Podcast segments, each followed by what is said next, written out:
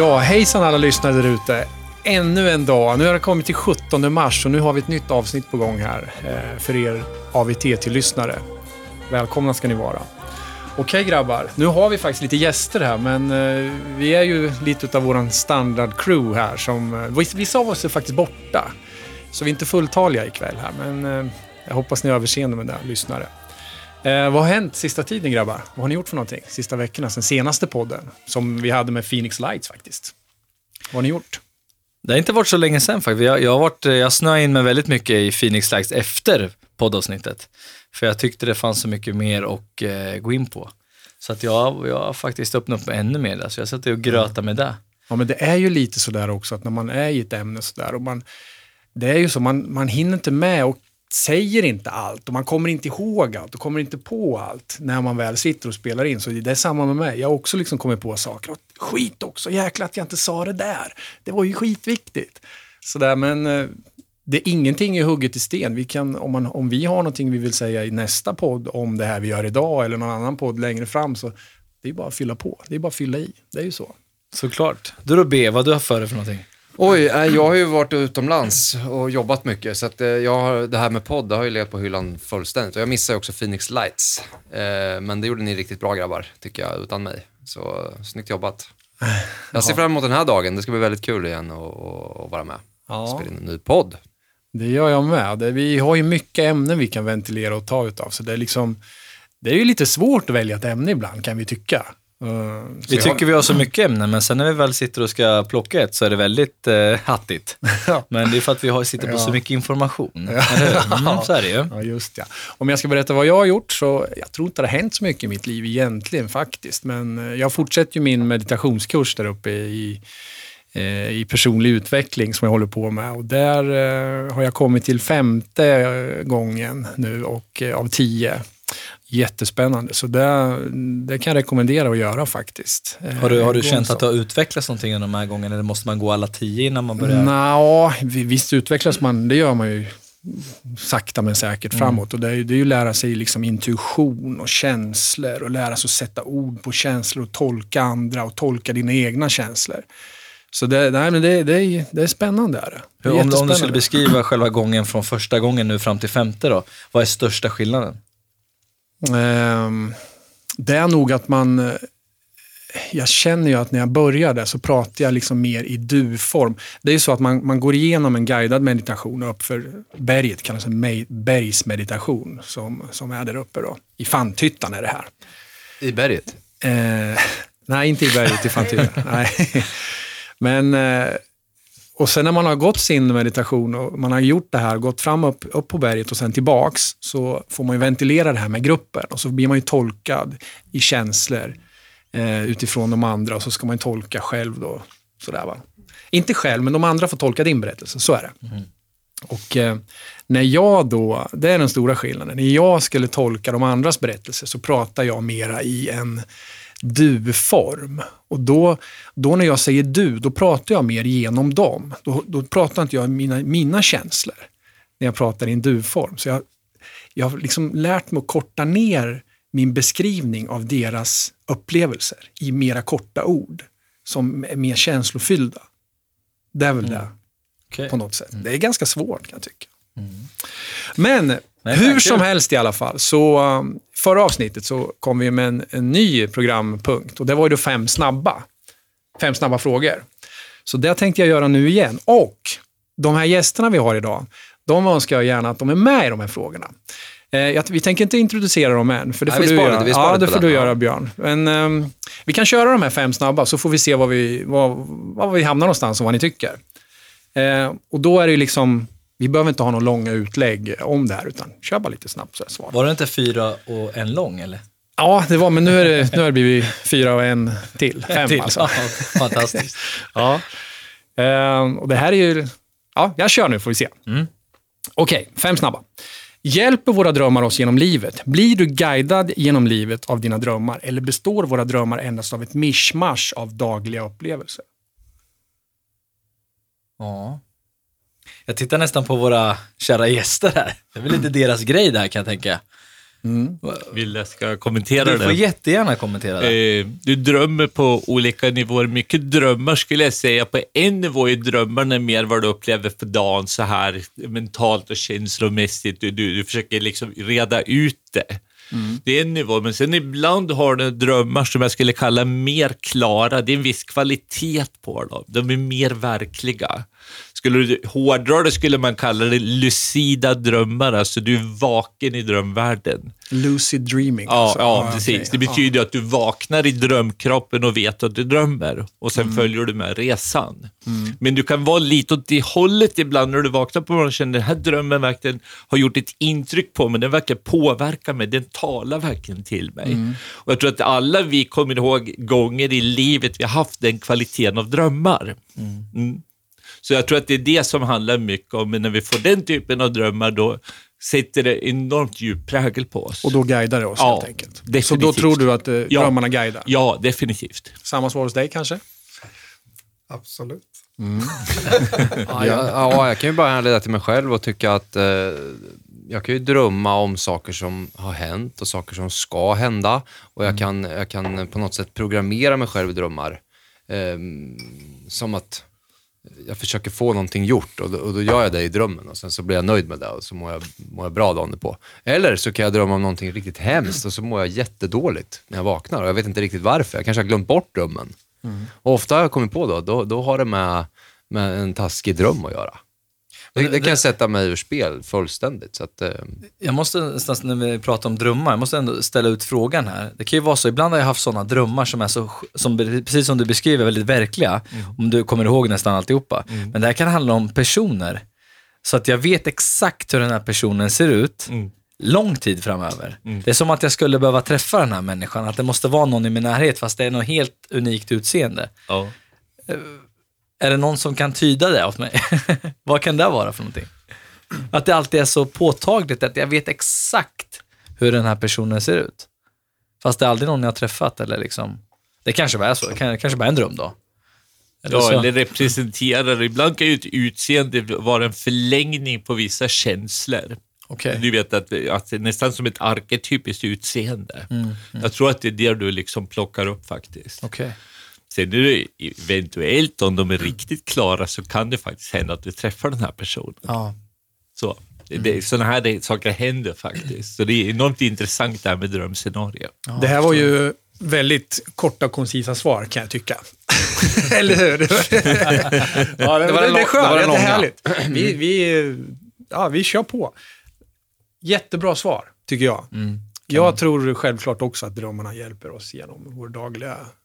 eh, Drömmarna är till för att hjälpa oss helt enkelt. Sen kan man ha crazy drömmar som man bara, vad är det där? Alltså håller jag på att bli knäpp liksom? Så. Och då vet man inte vad, vad det kan hjälpa en med då. Inte vet jag. Men någonting hjälper i alla fall. Vi går på fråga två. Okej, är eliten i världen genetiskt sammankopplade genom reptilian blodband? boom. Vad tyst det blev. Ja, den var, den var väldigt tung, den frågan. Ehm, Alltså man brukar kalla blåblodet eller någonting sånt. när du kom på den här frågan, hur kom du fram till den, just i den frågan? För jag själv tror det. Ja. Så då svarar jag först. Jag, jag tror att det är så. Jag tror att det finns en mer sammankoppling historiskt sett. Ända bak till Ra och Solguden och allt det här.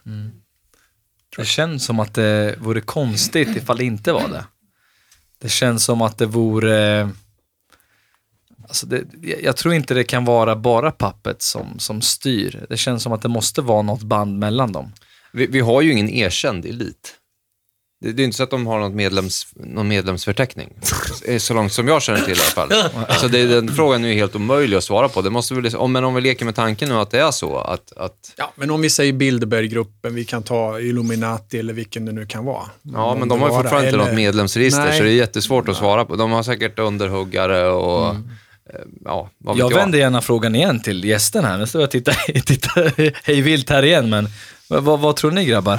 Jag tror att det här med reptiliska väsen, alltså att det finns, att de här eliterna reptiliska väsen, det betyder ju alltså att man på en djupare astralnivå ser liksom att alla människor har ju vissa djupare arketypiska väsen, eller vi kommer från olika ställen i universum och så vidare. Och de här människorna kommer ju då från vad man kallar alfa draconis, många av dem, och vissa liksom kommer från vissa ställen i Orion. Men jag har sett det direkt, alltså direkt blivit attackerad av reptiliska väsen inom vissa av de här människorna. Bland annat då i, inom svenska kungahuset. De ser ju gulliga ut som wow. män, de är reptiler. Och de har liksom visat sin reptiliska form för mig. Och nu är det inte att jag är på någon ayahuasca-tripp eller något sånt. Jag menar, jag är helt nykter och helt vanlig så. Mm. Men jag har en klärvoajant förmåga. Och ur den ser jag det här. Men det, jag ska säga att jag blir otroligt förvånad över det. Jag har hört det här och tänkt på det, men med åren har jag börjat se det här mycket. Att det verkligen är så här. Är det väldigt tydligt för dig? Mycket, mycket tydligt. Men du, du sa att du hade sett dem? Ja, jag har alltså, sett det. Nej, det är ungefär som du tänker att den, for, den inre formen inom vissa människor kommer ut och attackerar dig på ett astralplan. är det när du har träffat dem eh, på ett astralplan? Ja, ja, på ett astralplan, men jag har varit ganska nära i den fysikaliska världen och har gjort vissa liksom, ceremonier runt vissa människor för att skära av deras makt, kan man säga. Men, men en fråga då. Jobb. De här personerna då som har det här blodslederna, banden, mm. är de är de mera utvecklade i de här mediala förmågor? Alltså är de, är de ännu mer avancerade i, sin, i sitt jag? I sin, Nej, i sin de, de, har, de har en viss av de här förmågorna, mer eller mindre. Vissa mer och vissa mindre. Mm. Men och, eh, vissa har ju då blivit, de har blivit introducerade som barnsben in i vissa ceremonier, där de har liksom fått möta sitt reptiliska jag. Och de här reptiliska jaget behöver liksom vissa offer. Mm. Vem, vem kan det vara? Kan det vara random vem som helst eller är det en typisk? Nej, det är vissa, vissa familjer. Det är vissa ja, familjer som det här har gått sedan långt, långt tillbaka till vissa familjer.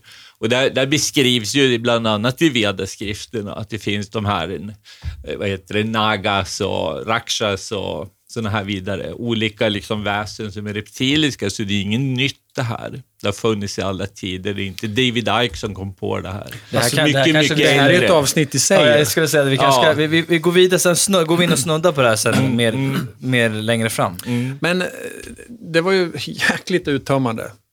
Tack. Så jag vet inte, tillägg. Tror du, tror du, du tror att det är det eller inte? Vad tror du? Finns det blodspann? Jag, jag, jag, jag kan inte uttala mig om det. det. Jag vet inte. Vi går vidare. Num nummer tre. Eh, har våra skapare skapat våra hjärnor till en viss kapacitet eller nivå för att vi inte ska bli för smarta och att vi ska hållas i schack? Vi vet ju alla att vi har en, en hjärna som är mycket mer utvecklad än, än vi använder ju inte så mycket av, av vår hjärna. Det vet vi ju. Det vet vi. Det finns mer kapacitet. Tror ni att vi liksom är skapade utif genetiskt utifrån att vara en slave race så att vi inte ska vara så avancerade så att vi blir ett hot mot överheten? Eh, rent spontant nej. Jag tror att vi har bara hållits tillbaka. Vi har nog kapaciteten att, att komma hur långt som helst, men eh, jag tror bara att vi har inte fått verktygen och vi har inte fått eh, historierna och vi har inte fått initieringen i det. Så att, eh, därför tror jag att det inte funkar som det ska. Mm. Jag, jag, tror nog faktiskt att eh, lite på samma spår, men jag skulle nog tro att eh, vi är så pass hjärntvättade så att jag tror inte vi eh, vet om att vi kan göra mer än så här. Eh, vi vet ju att den mentala styrkan är väldigt viktig, att, eh, vad, vad mycket den gör för att ta sig fram i livet och vart man vill komma i livet. Men det är det enda vi vet. Vi vet ju ingenting mer, vi vet ju vad vi blir lärda, vi vet vad vi ser, precis som vi pratade om förut, där man inte kanske har sett, det kan man inte fantisera om. Och kanske mm. därav inte uppnå det. Liksom. Mm. Så jag tror att det där är skitsvårt. Det är ju, um, om man, om man läser om sumerer och Zakaria Sitchin, vi var lite inne på det igår. Ja. Han pratar ju mycket om de här eh, hur människan blir skapad och hur man kan se metaforer från Bibeln. Liksom att, att, eh, eh, att Adam blev skapad av ett, eller Eva blev skapad av ett revben från Adam. Det kan man ju tänka sig då kanske att det är en genetisk hände, en skeende med benmärg och sånt där. Mm. Kan man ju kanske tycka då. Va? Men att det är en metafor då, då istället. Så att Eh, ja, jag vet inte 17. Jag tror nog kanske att så som Zakaria Sitchin beskriver så är, känns det lite som om det är en... Vi är skapade och varför har vi inte då blivit skapade till att vara en läg, lägre stående ras och inte kunna tänka fritt? Jag vet inte. Kanske. Vad tror du?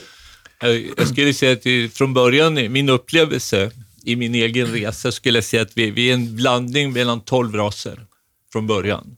Och vissa av de här raserna är otroligt positiva och vissa är enormt negativa. Och vad är det de för raser då? Ja, det är ju som Plejaderna och Sirius och de här reptiliska raserna och vissa från Andromeda-galaxen och så vidare. Det är många olika raser. Jag, kan inte, liksom, jag är inte familjär med alla av de här. Men det, den informationen jag har fått är att det är 12 stycken och vissa kan jag uttala enormt starkt. Så någonstans på vägen ska vi liksom bli det bästa av allting. Men det är vissa raser som är enormt negativa som har hindrat vår utveckling. Och vi har definitivt blivit chippade på vissa sätt. Alltså vi har vissa chip i vår eteriska kropp Som tonar ner oss. som tonar ner vår DNA och så vidare. Absolut. Så, så det, det är klart, vi är blockerade. Och i den här tiden vi lever i nu skulle jag säga att de här chippen och de blockeringarna håller på att upplösas. Det är en liksom Stockholmssyndrom här på jorden. Vi är, liksom, vi fångna här på jorden av vissa mörka energier. Det är jag helt övertygad om. Men när du säger chip i kroppen, menar du att vi jag fysiskt har menar ett, i eteriska kroppar, i våra vissa chakror. som någon programmering då, typ? Ja, eller vadå? ja de Okej. blockerar liksom energin i naven, i hjärtat och i tredje ögat. Där, ibland här i nacken, i förlängda märgen också.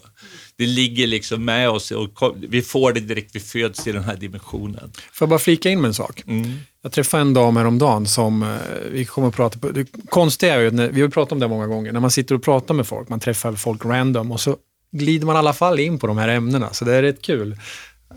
Det bara sker. Så, men i alla fall så pratade jag med den här damen och hon sa, jag har, när jag var liten, sa hon, jag var fyra, fem år, då gick jag och sa till vuxna och mina kompisar, barn, jag är inte härifrån. Jag är från Andromeda. Jag tänkte på det nu när du sa Andromeda. Jag är från Andromeda, sa hon. Och det kan ju inte hon veta som en liten fyra, Det är femåring. klart hon inte kan. Och sen beskrev hon då för, för eh, mig att hon har en, en, en själ ifrån just Andromeda-galaxen. Att hon var en, tidigare en vattenvarelse. Vad det nu betyder vet jag inte, men så sa hon. Mm.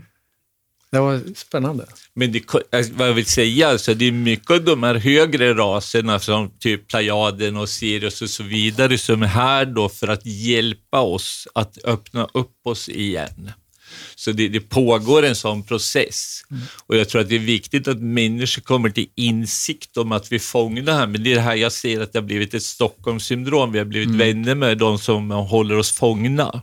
Och vi förstår inte det här. Det känns ju som om det är ett, ett pågående krig. Ja, Liksom. absolut är ett andligt krig vi pratar om. Och det har varit långt tillbaka, så det beskrivs i alla kulturer på jorden och liksom i alla skrifter, inklusive Bibeln och de sumeriska texterna och i Vedas och så vidare. Det här kriget beskrivs i all, överallt. Och människor har alltid pratat om det. Mm, och det pågår hela tiden, varje dag, världen över. Och det här är någonting som vi behöver verkligen bli medvetna om.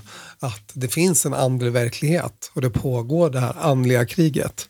För att om vi inte förstår vad som pågår, hur ska vi då kunna ändra någonting för att det ska bli bättre, för att det ska bli en ljusare värld? Vi behöver förstå vad som faktiskt pågår för att kunna vända det här till att bli den här fantastiska planeten. Jag känner att det poppar upp frågor nu hela tiden. Men jag, jag fortsätter med fråga fyra. Är det Kör okej bara. då? Kör. Ja, absolut. Vi gör det.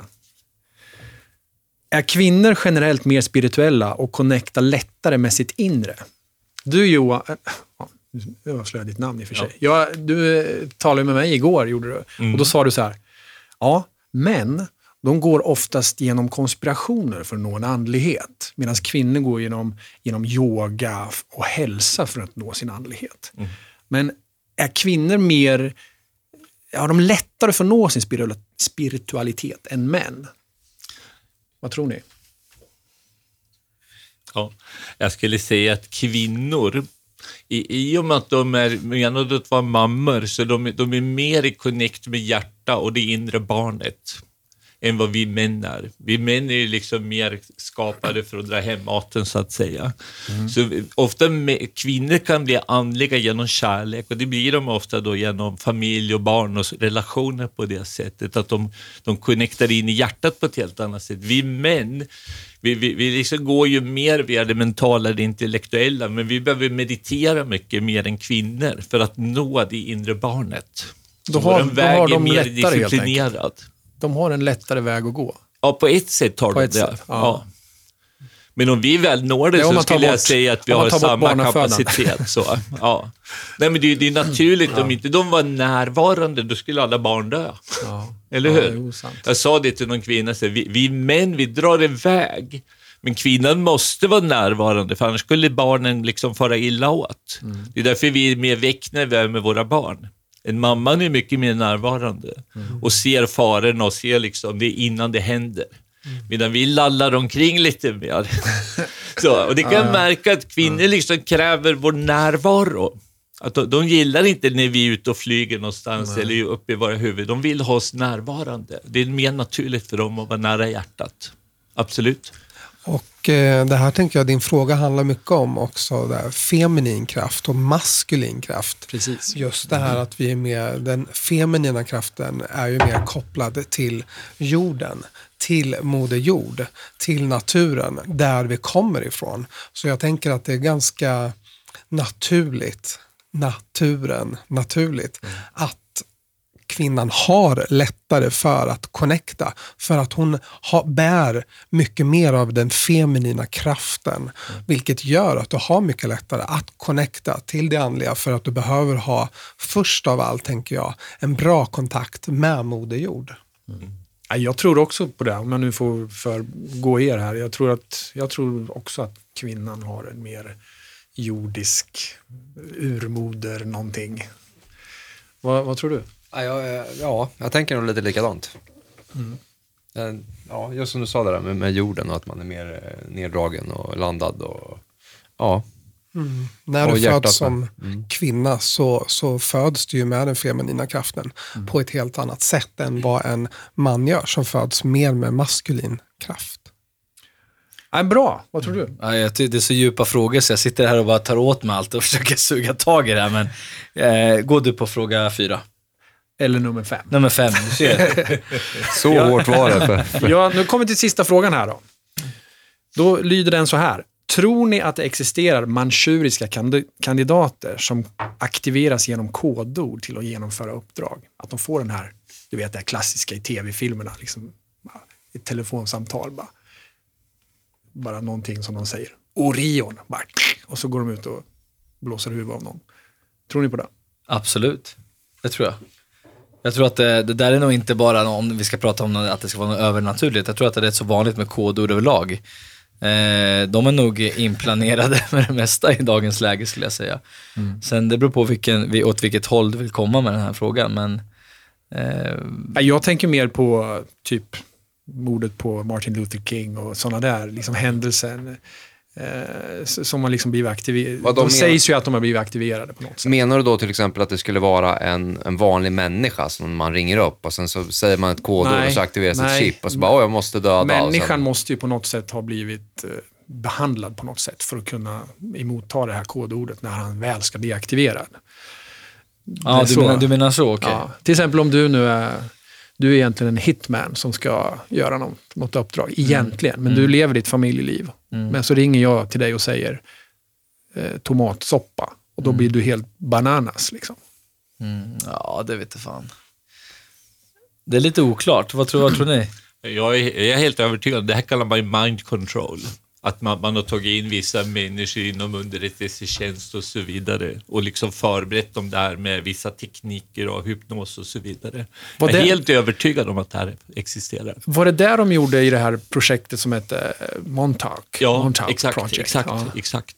Det här är, jag tror det här, det pratas jättemycket om det här, men jag är helt övertygad om och det hände du till exempel i Norge här om året, för några år sedan. Tänkte du på Breivik? Ja, Eller? Det var typiskt Okej. en mind control-grej. så ja, för det har jag nog hört också Ja, faktiskt. vad, vad, vad baserar du det på?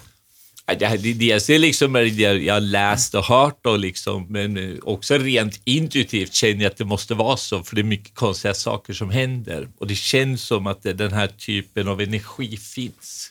Men du sa att du var övertygad om att det var så här, att Ja, det finns ja. mind controls Ja, och, ja, och, ja, det är jag övertygad om. Jag tror att det kommer fram alldeles för mycket bevis och mycket, mycket människor som de kallar super soldiers och så vidare kommer fram och berättar om det här. Och jag tror att många som pratar på nätet le, le, lever under en viss mind control. Absolut. Jag, jag, jag har tänkt på en sak, precis det som hände precis nu i Nya Zeeland, så var det Ja. 49 som dog. Ja. Och det är en typisk Norge-grej ju, i Ja. stort sett. Ja. Eh, Men då är det frågan, jag, har tänkt på det nu senaste dagarna, att han, han gjorde ju det här och han, han väljer själv att bli gripen liksom. Ja. Och sen gör man olika tecken, eh, vit makt eller vad nu gav för tecken i rättssalen, liksom när kameran är på. Eh, hur smart är man då egentligen om man inte är liksom kontrollerad? Man vet att man har mördat 49 personer, man, man åker fast för det, man får sitta i fängelse förmodligen resten av sitt liv. Ja. Eh, och han känner, är, är egentligen, är han psykiskt sjuk? Eller har han blivit så inbiten? Det, eller är det att, de, att det är någonting annat? De, de som splittrar människan, det är en form av schizofreni. Så en del av, det, människan gör det här, en annan del liksom gör något annat. Han var ju ostraffad. säga, ja, jag skulle säga, någon som kommer in ganska mycket på det där är Project Camelot, Carrie Cassidy. Hon bjuder ju in vissa av den här Bill typen av Ryan, människor. ja. Duncan och Finian tror jag han heter, en av dem. Ja, just det. Han var en super soldier. Ja, de precis. berättar ganska väl om det här, vissa av de här människorna. Och de, blev har- re, de blev ju redan manipulerade sen barnsben. Ja, ja, ja, liksom, ja, Du tar, tar in dem tidigt alltså, när de är enormt unga. Man splittrar människan i flera delar. Jag tänker lite så här, för att få det här lite mer jordiskt. För att få det lite lättare att ta på. Vi är ju hela tiden eh, bevakade från olika delar, olika, företag helt enkelt, som försöker få oss att köpa vissa saker, att göra vissa saker. Det är en global, tänker jag, eh, mind control helt enkelt. Eh, och det här är typ samma sätt, bara det att här försöker man påverka väldigt många människor och i de här speciella fallen så försöker man påverka bara någon enskild människa. Men det handlar om en pågående eh, mind control där man försöker ta över någon annans medvetande. Eh, även ifall han gjorde de här tecknena i eh, rättegången. Det här är ju alltså en mind control, det är ju inte bara någonting som har hänt från en händelse. Det här är ju under en längre tid för att du ska kunna ta över någon annan människa. Det är därför det ser ut som det gör på jorden. Det här är ju någonting som har pågått i många hundra år, flera tusen år av ja, väldigt mörka energier, mörka krafter. För att man ska kunna eh, ta det dit de vill ha det. Och det är att det ska vara att man ska försöka få bort ljuset från jorden kan man säga. Om man ska se det på det här sättet. Så, så egentligen då, kan, man, kan man kalla det här som någon masshypnos, fast vissa blir mer träffade? Du, du, jag skulle säga, du har ju både och, Båda det här han pratar om, alla vi lever ju under en viss masshypnos eh, kan man säga, men det här är ju specifika fall, men i vissa fall skulle jag kalla det också demoniska besättningar. I många kulturer pratar man att den här människan har en demonisk eh, besättelse där han eller hon gör massa konstiga saker. Det, är- det är ju ganska känt i liksom, shamanska kulturer i Indien, i många av de här gamla kulturerna har man alltid beskrivit det här och jag vet att det händer för ibland har jag sett det, hur någonting går in i en människa, du ser det i blicken. Att det är någonting svart som tar över en människa från ingenstans så här. Så det kan det också vara. Jag har ju hört en teori, jag, vet inte, jag vill bara ställa frågan till er. De här korta frågorna och korta svaren blev ju jättekul. Alltså det är Alltså, väldigt intressanta frågor och väldigt Ja. intressanta svar Så det, det kanske är svårt att säga, ja, svara ja och nej på sådana här grejer. Men i alla fall, eh, har ni hört, det finns ju den här Black Knight-satelliten som Mm. åker runt, som man inte egentligen vet mm, någonting om. Vem är den? Vad- Vem har lagt den där i omloppsbanan? Liksom? Och sen har jag läst och hört att det kan vara någonting som har koll på mänskligheten på något sätt. Just som, som du pratar med mind control och att vi inte ska bli för mycket fritänkande och bla bla bla. bla. Har ni hört någonting om det? Ja, jag har hört om det. Jag Ja. vet också att vissa av de här utomjordiska civilisationerna har brutit delvis det här. Jag vet inte hur, till hur stor grad, men delvis har de brutit av det här sista året. Hur då menar du? Nej, de har gått in helt enkelt och klippt de här satelliterna och deras förmåga att övervaka oss. Okej. Det är en del av deras jobb, eh, Playadskeppen och de här så vidare. De håller på med det här, att Då försöka det- befria oss som människor Ja, då är det en del i vår kommande utveckling. Ja. Att vi blir mer och mer Ja, öppnar ja, upp. Alltså. ja. Det är det som kommer hända. Och det är därför det händer mer sista åren. Folk blir mer och mer öppna. Mm. Och mer och mer kan man säga att de rensar de astrala nivåerna, även de här satelliterna. Mm. Vissa av dem har man stängt ner totalt. Så läget är lite bättre. Det är inte helt bra, men det är bättre. Jätte, alltså, tack så hemskt mycket för alla svaren eh, på de här frågorna. Jag känner ju här, jag har känt nu under lång stund att vi måste ju presentera er här. Och eh, det kan du göra Björn. Det kan jag göra. Ja, tack Lars. Eh, Jag, jag tänkte börja med att presentera vår första gäst. Ända ifrån Göteborg har vi honom här. En ayurvedisk läkare och expert inom vedisk astrologi. Johan Andau, välkommen hit. Tack så jättemycket. Och gäst nummer två, vårt alldeles egna husmedium, yogainstruktör och andlig healer, Peter Sjöstedt. Välkommen. Tack. Tack så jättemycket. Vad roligt att ha er här hörni. Men jag är jättenyfiken. Johan, vedisk läkekonst. Mm. Dra lite korta, vad, vad innebär det för någonting? Man kan säga att det, det veda, veda betyder kunskap. Och eh, den här vediska traditionen och det vediska perspektivet, det, den är ju en del av vad man kallar mysterietraditionen. Den här fanns ju över den gamla världen överallt. Det är ett ganska liknande sätt att läka människor i Kina, Indien, Tibet, gamla Grekland, Egypten och så vidare. Och det, det bygger liksom mycket på balansen mellan elementen. då jord, du har vatten, du har eld, du har luft, du har eter. Det är alltså själva ingredienserna i skapelsen. Och hur de harmoniserar inom varje människa och den unika konstitutionen varje människa har.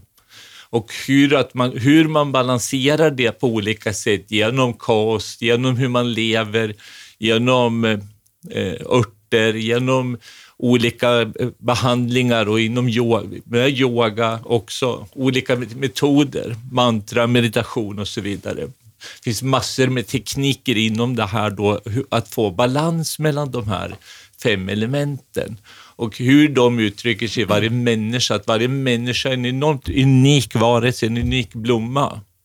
Och kunna fastställa då det som är bra för dig kanske inte är bra för mig och så vidare. Så man individualiserar människan enormt tydligt här. Och eh, astrologi kan man säga, det är en del av eh, Jyotish, som det heter på sanskrit, betyder läran om ljuset. Då kan vi undra vilket ljus pratar vi om? Så, det här ljuset är det, det är liksom himmelska ljuset och det, hur det här ljuset kommer ner och uttrycker sig och vill uttryckas i denna dimension. Så kartan du har i astrologi, det är din skattkarta. Det är din plan. Det är din, hur du ska leva på jorden, vad du har tänkt dig innan du kom hit. Och du har den kartan på din högra hand om du är man, vänster hand om du är kvinna. Så den är nedtecknad på din kropp. Samt under fötterna, höger fot man, vänster fot kvinna. Så någonstans liksom har någonting gjort sig enormt mycket besvär att vi ska ha en karta. Och eh, som ger oss vissa hints över hur vi ska leva här på jorden. Och vad, vi har med oss i bagaget från tidigare liv. Det, hänger det här ihop någonting med de akasiska Ja. eh, record, alltså Ja, biblioteken om ja, man säger? Ja. Kan du beskriva vad det är för någonting?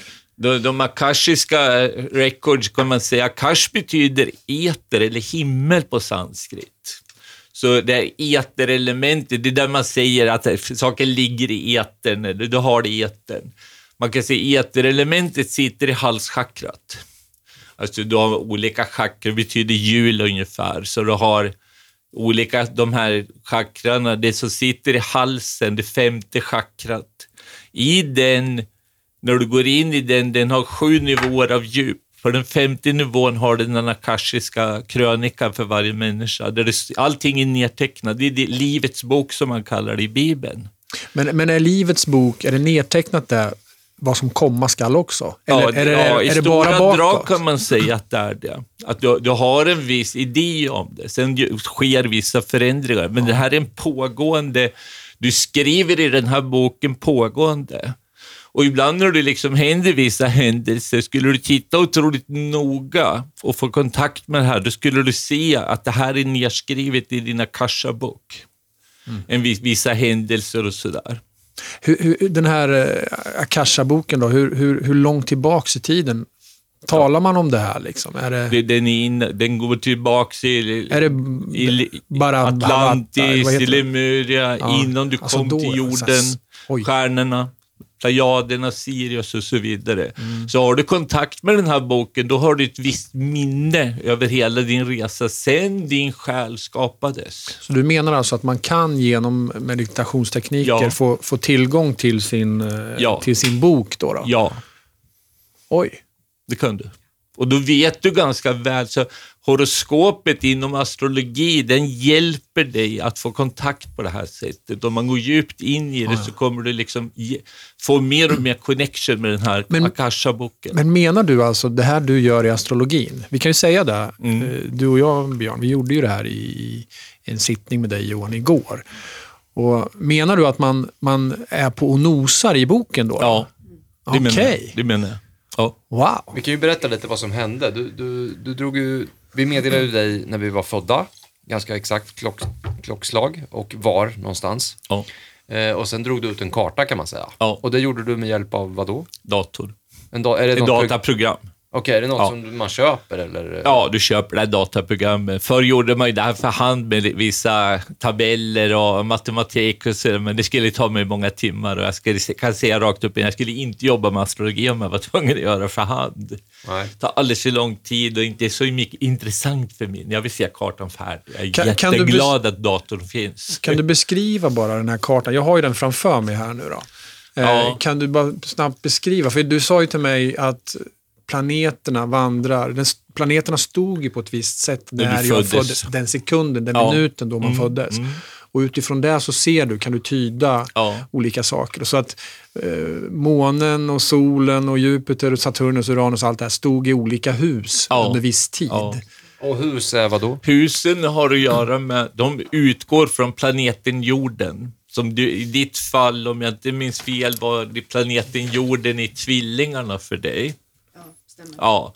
Så någonstans ut, det första huset är tvillingarna, sen andra huset är kräftan och så vidare. Tolfte huset blir då oxen. Så det går runt så. Så husen symboliserar var saker spelas ut på jorden. Tecknen beskriver zodiaken, alltså energierna bakom, bakom allting. Då har du tvillingenergi eller kräftenergi så. Så men hussystemet är mer viktigt, för jag, vill, jag är ju intresserad vad, vad händer på jorden och var händer det på jorden? Sen kan man säga att planeterna skulle symbolisera arketyperna som bor då i husen och är i tecknen. Så skulle jag beskriva, så de här fogar du samman då för att beskriva vissa händelseförlopp eller vissa talanger eller tidigare liv och hälsa och massa olika saker eller äktenskap, barn, vad som helst liksom. Så Ja, för- allting kan du se genom det här. För jag blev ju lite, man, igår så, alltså jag tänkte ju på det här hela natten tror jag. Nej men alltså det, det satt ju skruv i huvudet på en. Man liksom hur sjutton kunde det här hänga ihop? Alltså, du kunde plocka de där grejerna liksom, och med barndom och hela, liksom hela biten med min mor och far och, och mina barn. Och, Kände du dig träffad också när du satt? Vad, vad, hur kände du då när du fick den här informationen? Var, Ja, nej, men det, det, det är som du sa, så här, ja, men du sa ju till mig att någon gång från mellan ett och tio år så, så var det någon speciell händelse och kände du dig ensam eller någonting sa du till mig. Så där. Och jag, du frågar, då frågar du så här, minns du det här? Ingen aning, sa jag då. Jag minns ingenting. Ja, men det betyder att du kanske har suppressed, alltså du liksom tryckt undan det på något vis. Va?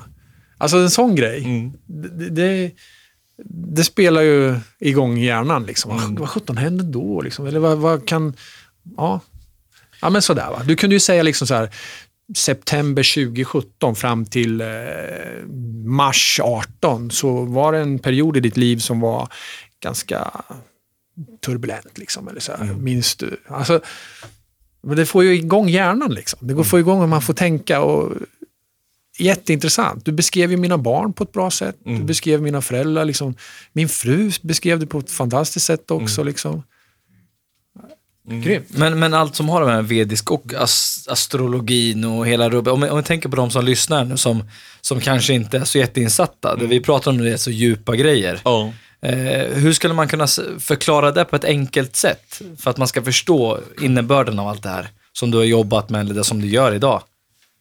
Det du menar astrologin, hur jag ska kunna kan förklara det? Ja, eller just det här med det vediska, just med, jag tänker att eh, det helande och det, det, det Indien nu har haft i fem, som de har använt i 5000 år, den, det du arbetar med, hur kan man förklara det på ett bra sätt för dem?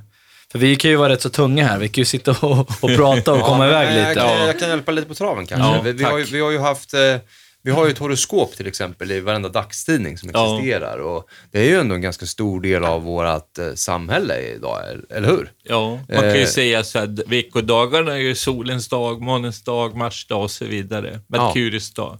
Så vi följer ju det solåret, månaden, månens varv och så vidare. Så vi, vi följer ju astrologin och mycket här i. Liksom, Det som är så himla intressant, att samhället är uppbyggt på astrologi. Ja. Och så säger många, nej men astrologi, det verkar konstigt. Ja. När hela samhället Ja. bygger på astrologi, Ja. precis som du var inne på. Ja. Vad- Det här med, med månaden, året, Ja. platser som, Ja. är, eh, så- alltså som man har byggt olika eh, historiska... Av astrologi betyder. Ja, astro betyder ju då, som jag sa igår till er, att det betyder ju himlen. Logo betyder språk, så det är himmelens språk då, eller yotir som på sanskrit, läran om ljuset. Så det, det beskriver ju mycket, liksom i, jag, jag tycker det är så intressant för astrologi är mycket historien också. Som till exempel om man tittar i olika tidsåldrar som går så här som de sista 2000 åren har varit fiskarnas tidsålder och fiskarnas tidsålder börjar ju med Jesus. Och de första lärjungarna till Jesus var fiskarna. Och han ska ju då fiska och lägga ut sina nät och det är ju enormt mycket astrologi. Hela Bibeln är full av astrologi. Men, men vad, vad, för, ursäkta Ja, att jag ja, bryter mig in ja. här nu. Jag tänker bara så här, nu är vi inne på, känner jag, lite sån här religionsdel. Mm. Hur skulle en annan del av världen tolka det här då? För att om det nu är så, så nu pratar vi om Jesus, men Ja, det jag kommer till bara nästa. förklara Ja. ändå hur mycket astrologi vi har Absolut, i vår historia. Mm. Och när Vattumannens tidsålder började, den började komma in sakta men säkert ungefär från 1700-talet. Så här, då räknar man ju med att det här blir en att Vattenman har mycket med etern att göra, kommunikation och sånt att göra. Så hela den här kulturen med te- teknologi och datorer, att jag sitter och pratar i en mick, det är ju typiskt Vattumannen allting. Det är ju astrologi och folk, eh, folkförflyttningar i Vattumannens tidsålder och sådär. Att det är liksom globalt paradigm i Vattumannens tidsålder. Allting är ju astrologi, det händer, allting händer, precis som astrologin säger. Det är så Varför är det astrolog, alltså sådana här horoskop i tidningar? Varför är det det? För det kan ju inte, alltså, Ja, åh, det- det... stämde in på mig idag. Ja, man älskar att ja, men höra liksom, någonting om sig själv. Ja, det, är det. det är mer oseriöst. Det är, rätt, det är rätt märklig grej egentligen Ja. att det ex- existerar i det den formen, kan jag tycka. Ja, det är det. Jag ska bara säga liksom, för den här västerländska astrologin som vi har, den är ju då en konspiration i sig, för den kom ju till mycket genom att Rom då på 1500-talet, påvarna i Rom gick emot astrologerna. Och det som hände i västerlandet, att man gick på dagjämningarna, ni vet vårdagjämning som kommer nu snart, och sommarsolstånd och höstdagjämning och vintersolstånd. Så dagjämningarnas relation till solen, man tog bort himlen ur beräkningen. Så när du har ibland då liksom månen i relation till något, solen i relation till något, det är inte säkert västerländskt så att det stämmer med stjärnhimlen. I alla gamla tider tittar du på stjärnhimlen. Så den vediska astrologin är ju den som stämmer, så vi går ju egentligen i fel kalender här. Alltså vi är ur synkronicitet med himlen.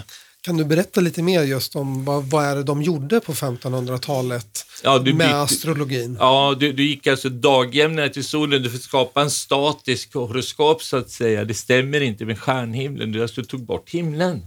Och det är ju otroligt symboliskt för någonstans ville de inte att astrologerna skulle ha tillgång till himlen och det andliga och så vidare. Det ville kyrkan ha ensamrätt på. Och någonstans skulle jag säga från en enormt djup punkt om vi då tar bort himlen, alltså nu pratar vi symboliskt här, betyder vi tar bort vår vägledning, vi tar bort vårt högre jag, vi tar bort vår själ. För att man ville ha, Ja. ha hand om makten Ja, själv. ja. Kyrkan ville ha makten. Ja, betyder ju att Men vi hamnar i vårt tog ego. Bort, man tog bort himlen, säger du. Ja. Vad innebär det? Det Rent, betyder att ditt högre jag försvinner, din kontakt med ditt högre jag försvinner. Ja, men rent krasst, tog, tog, slutade man titta på, på stjärnorna? Ja, man tittar inte på zodiaken längre, man tittar inte på himlen längre. Man gör Okej. en symbolisk zodiak som bygger på dagjämningarna. Har inte med stjärnorna att göra. Och det, då blir den felaktig. Ja. Då stämmer inte det överens Nej. med det Nej. Så verkliga. ingen av, av oss här inne är kanske det stjärntecknet som vi Nej. borde vara? Nej. Liksom, egentligen. Så du du är rent västerländskt, men i, i, alltså på riktigt stod solen i relation till fiskarna när du föddes. Mm. Så skulle vi gått ut och titta på himlen skulle vi se det. Det där är ni, det var en intressant frågeställning, Björn. Mm. För det kan du se ibland när de säger i västerländskt det är fullmåne i lejonet eller liksom, men du kan gå in och ut och titta på himlen. Ibland ser du dem, du kan stjärnbilderna lite, kommer du se att det vediska stämmer. Så alla människor här på jorden går och tror att man, är, man har fel stjärnbild Ja, egentligen. ibland kan det bli samma i vissa fall, men Ja. för det mesta blir det liksom tecknet innan. Tre graders skillnad. Ja, 23 Men det är- grader bakåt kan man säga att det ligger just nu. Sen växer det ju sakta, sakta, sakta, sakta. Det är Varför en- då? Är det för att universum expanderar? eller? Ja, ja. allting rör sig. Så hur mer det rör sig, hur mer förändras det. Som om 2000 år, då ligger vi ungefär 46 grader skillnad. 2000 år igen, då blir det, ja, så vidare. Men 23 du sa grader. 1500-talet gjorde alltså Vatikanen och Ja, kyrkan Vatikanen. det här. Och, och vad, pratar vi då, är det kyrkan? Ja. Är det reptilians då som Ja, har gjort dem? jesuiterna kallas de. Jesuiterna är enormt duktiga svartmagiker. Så de här svartmagikerna då försöker ju manipulera mänskligheten så vi tappar kontakt med vårt högre jag och vår vägledning. Det betyder ju också att våra guider, om man tror på något sånt, skulle få svårare att nå oss. Vi kommer också liksom i vårt vanliga liv kommer vi i synk med tiden, rummet. Så jesuiterna och Vatikanen, det är en utstuderad plan sen. Ja, Det är ett stort scheme ja, från början. ja, För att liksom hålla oss ja. på en viss nivå. Det är antitesen av Gud. Men det är ju det också, det- av andlighet kan man Då är vi säga. ändå tillbaka i det här med masshypnos. Liksom. Ja. Jag menar, det här är ju någonting som, jag, jag, jag sitter ibland, när vi sitter så här, så brukar jag alltid tänka, okej, när vi sitter och pratar om det här, hur, hur uppfattas det av människor? För jag tänker alltid i skolan och allting, vi lär oss ju någonting som oftast inte stämmer. Vi Jo. blir aldrig förberedda för det som kommer hända. Vi blir oftast, vi lär oss någonting och sen är det där man går efter. Vi tittar på TV, då är det där vi, det är, det är sanningen för oss. Fast 70-80% inte stämmer. Och det, det, är- det är ofta man vet om det, men man ignorerar det. Mm. Och det är konstigt att jag blir lika chockad varje gång när man sitter här. Mm. Och om man verkligen liksom släpper garden och börjar lyssna och man bara tar in allting. Mm. Vad skulle hända egentligen med allting om, om alla gjorde det? För det, visst, det finns ju vissa människor som, som är mer öppna än andra. Som Mm. kan slå lite där åt sidan att vara, ja, men, tycker att det är rimligt så, så väljer jag att tro på det. Sen Ja. finns det ju de som bara följer strömmen och Ja. tycker allt är Fakta! Fakta! Fakta, fakta, jag vet precis. Och det är ofta så när vi träffar människor runt om hela up, tiden. kanske. Ja, så är det så att de, när, vi, när vi kommer i en rum med dem, eller att när vi kommer i en, i en mindre samlad grupp, då är alla som oss. Då är alla öppna och alla har frågeställningar och Wow. allting. Det är alltid samma vända. Wow. Men, men visst är det konstigt att men Ja. när man är i en stor samling, då är det den här masshypnosen, då, är det, då gör man som alla andra. Ja. Men varje gång så, så sitter vi, vi kan inte sitta i ett rum tillsammans med andra, för att då, då kommer vi in på sådana här, fast det inte är vi som startar. Ja, jag, jag är med dig Det, det är intressant. Ja, det är jätteintressant det här du säger. Men folk är, jag tror inte lika, de är inte lika övertygade om den informationen vi har fått i vår uppfostran och skolning längre. Det har ändrat sig ganska mycket de sista tio åren skulle jag säga. Att Mm. folk tvivlar mer idag än de gjorde förut. Vi sa ju i vår förra podd om Phoenix Lights att hon, Lynn Ketai, och så skrev den här boken The Phoenix Lights. Hon, Ja. hon pratade om att hon skulle gärna se att det här var ett skolämne. Inte just det här kanske, men att just med rymden och Ja. möjligheten med ETs och eh, aliens och hybrider och allt möjligt. Sådär, va? Ja. Att, att, att man pratar mer om det på en, på en, en bra nivå. Ja. Så hon sa att det skulle varit ett skolämne egentligen. Mm. Men när människan alltså kan bara förstå information vi får utifrån, det är ju det som händer egentligen i vår uppfostran vid skolgång. Jag kan bara ta in information utifrån. Men om man kan säga att som människa, alltså mycket av det här liksom blockeringarna som ligger i medvetandet, är att man stänger av den inre kanalen för folk och tar liksom information inifrån. Alltså det här du pratar om, akashan, det är ju egentligen att jag, jag får information direkt från högre källa och blir självständig i mitt sätt att få till information. Så mycket av det jag pratar om så här generellt, det är så information jag fått från min egen akasha och i liksom mitt eget uppvaknande. på en an- Akasha, eh, förtydliga. Ja, det är den här livets bok jag pratar om. Den ligger alltså i halschakrat. I halschakrat är ju kommunikation. Att du kan få kommunikation från ditt högre själv och dina guider. Också tele på telepatiska nivåer och så vidare. Mm. Då fick jag en frågeställning här bara. Ja. Det, det var ju så här, de här frågorna vi ställde förut, de var ju blev väldigt långa och härliga svar som vi gillar allihopa Mm. själva. Så att, eh, men nu, nu hittar jag på en fråga till här faktiskt. Och det är det här med, du sa att du kanaliserade och någon form av down, nedladdning och Ja. downloading. Ja. En del säger ju att det här tjutet man får i öronen Mm. under vissa sekunder sådär. Mm. En del säger att det, då, En uppgradering. då mottar du någon form av Ja. info. Ja. Har ni hört det? Ja, givetvis. Finns det någon- Hörseln kan man säga hänger ihop med halschakrat. För hörseln har med eterelementet att göra. Kan det vara någonting, ligga ja. någonting i ja, det här? det kan Men, det- absolut men det måste ligga kunna något vara i någonting det. annat också, till exempel att du upp, plockar upp eh, wifi eller eh, Ja. inte vet jag. Man kan Eller- säga i ayurvediskt tänkande kan man säga att njurenergin öppnar sig i öronen. Så ofta när sa du får njurenergi? njurenergin öppnar sig öronen i ayurvediskt och kinesiskt tänkande. Så ofta när binjurarna är för aktiva eller för stressade kan vi få det här tinnitus och massa ljud också. Så det kan vara liksom på olika nivåer, men det är en viss skillnad i frekvens när någonting försöker tala till en. För jag har träffat folk som säger att de har haft det här och när de till slut har lyssnat på riktigt och fått igenom informationen så går det bort. Det har jag träffat en hel del folk som säger till mig. Och Hör ni eh, själva de här ljuden? det- Någon Ja, gång. absolut. Ja, så. ja. Sådär. Någon gång. Det gör ju du? ibland så. Ja, det kommer Ja, det, ja, helt plötsligt bara... Men jag liksom, var någon som sa Som- till mig, det, det, det är när det är speciellt i ett öra, men det är ingen aning. Jag ska säga jag- dig, det är bara alltså när så du är säger. ayurveda, tar pulser på folk och känner av olika kanaler i folk. Sen Mm. 2008 skulle jag säga att enormt mycket folk har de här ljuden i öronen. Mm. Varför Och det kom att det bara så så då? här, på från ingenstans.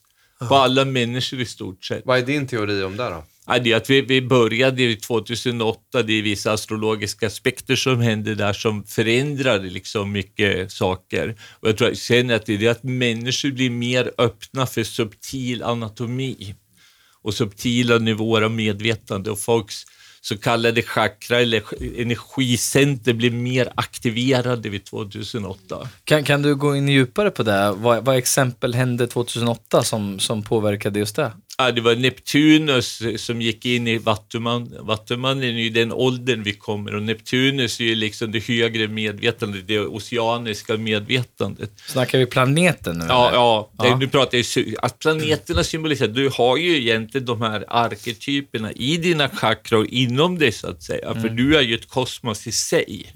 Så jag skulle mer tänka på det, hur Neptunus agerar i dig som arketyp, är kanske inte nödvändigtvis bara Neptunus som flyger där uppe i space. Men skulle du gå in och liksom läsa vad, vad som händer på varenda planet i det här solsystemet idag, då skulle du se att det är klockrent alltså vad som pågår. Det- alltså det- temperaturer och allting ändrar sig. Liksom. Alla planeter går igenom en total metamorfos i hela solsystemet. Men det, det tycker jag är väldigt intressant, det du pratar om nu. Det är så men- intressant alltså. för just- det är så poetiskt vackert, så du gråter när du lyssnar Ja, på så. det. Ja. Kan du förklara mer om det, just det här människan, alltså, så som vi är idag? Är det typ en, en spegelbild av eh, någonting annat då? Ja, menar eller? ja. På- Det är du en spegelbild, du är, ditt, e- du är jorden, du är solsystemet, du är galaxen, du är allt det här i en miniatyrform. Det är så svårt Så att ta in. astrologin är ju liksom din aura, den är ju liksom din astrala kropp, astrologi, astralkroppen. Mm. Hur den beskrivs, hur den ser ut. Så Neptunus är människor som arketyp vaknar upp in i vattumanenergin, alltså att ta in högre information. Alltså eterisk information från 2007 till slutet av 2007. Och då helt plötsligt, jag tänker inte på det, men jag bara märker på alla människor att det skett en förändring, en total förändring alla människor. Och efter det ser jag också att människor är mycket, mycket öppnare och lyssnar på sådana här saker vi pratar om. Men Är visst det- har är det, det- det har hänt mycket Är det där? det som är skillnaden, stora med, Ja. som du menar? Ja, för innan kan jag tycka att det skulle, om vi satt och pratade så här skulle människor säga, fan vad flummig han är. Men tycker jag idag höra tycker jag inte det fortfarande. är på det sättet. För det, är liksom det här att vara flummig och inte flummig, det börjar ändras hur mycket av den här vetenskapliga paradigmet är fruktansvärt flummigt, för det bygger inte på verklighet, det är totalt pseudovetenskap. Det Jag bygger inte kallad på verkligheten jag som den kallad är. för foliehatt här senast i veckan. Ja, jag skulle vilja byta på det. Men, men jag, då, vet du vad han sa till mig? Han sa så här, jag, jag tror bara på fakta. Ja, men vad är fakta då? Ja. Eh, här är en fråga då. Är det inte så att fakta kan manipuleras? Då måste det ju vara så att om man nu tror på fakta, då måste det vara så att man tror på att de som ger en faktan också gör det uppriktigt. Ja, men fakta måste ju basera sig på en verkligheten som den är. Den här faktan by, liksom by- bygger på en verklighet som inte är verklig. Den här dimensionen är ju inte verklig, den är ju liksom, vi är ju utanför den för länge sedan. Och det är fakta- därför- faktan Einstein är ju alltid är energi, då vi vuxit ur den här dimensionen. Och det är där man klarar, pratar om att vi lever just nu i Matrix, det Ja. samhället som vi har byggt. Där vi pratar om att bara sitta och titta på Netflix, dricka vin eh, och Instagram. Tänk, Instagram och att det är liksom där vi ska bygga vår verklighet på. Ja. När vi helt tappat kontakten med det som har varit naturligt i flera hundratusen år. Naturen, Naturen, och alltså andlighet. Eh, om vi inte är andliga så har vi ju helt brutit kontakten med Ja. källan. Ja. Alltså det är så himla enkelt egentligen. Ja. Alltså det finns en andlig verklighet. Det är det mest sanna som finns. Ja. Och när vi, när vi har byggt upp det här samhället som vi är idag så har vi brutit kontakten med det som är det mest naturliga. Ja. Och det är andlighet. Ja.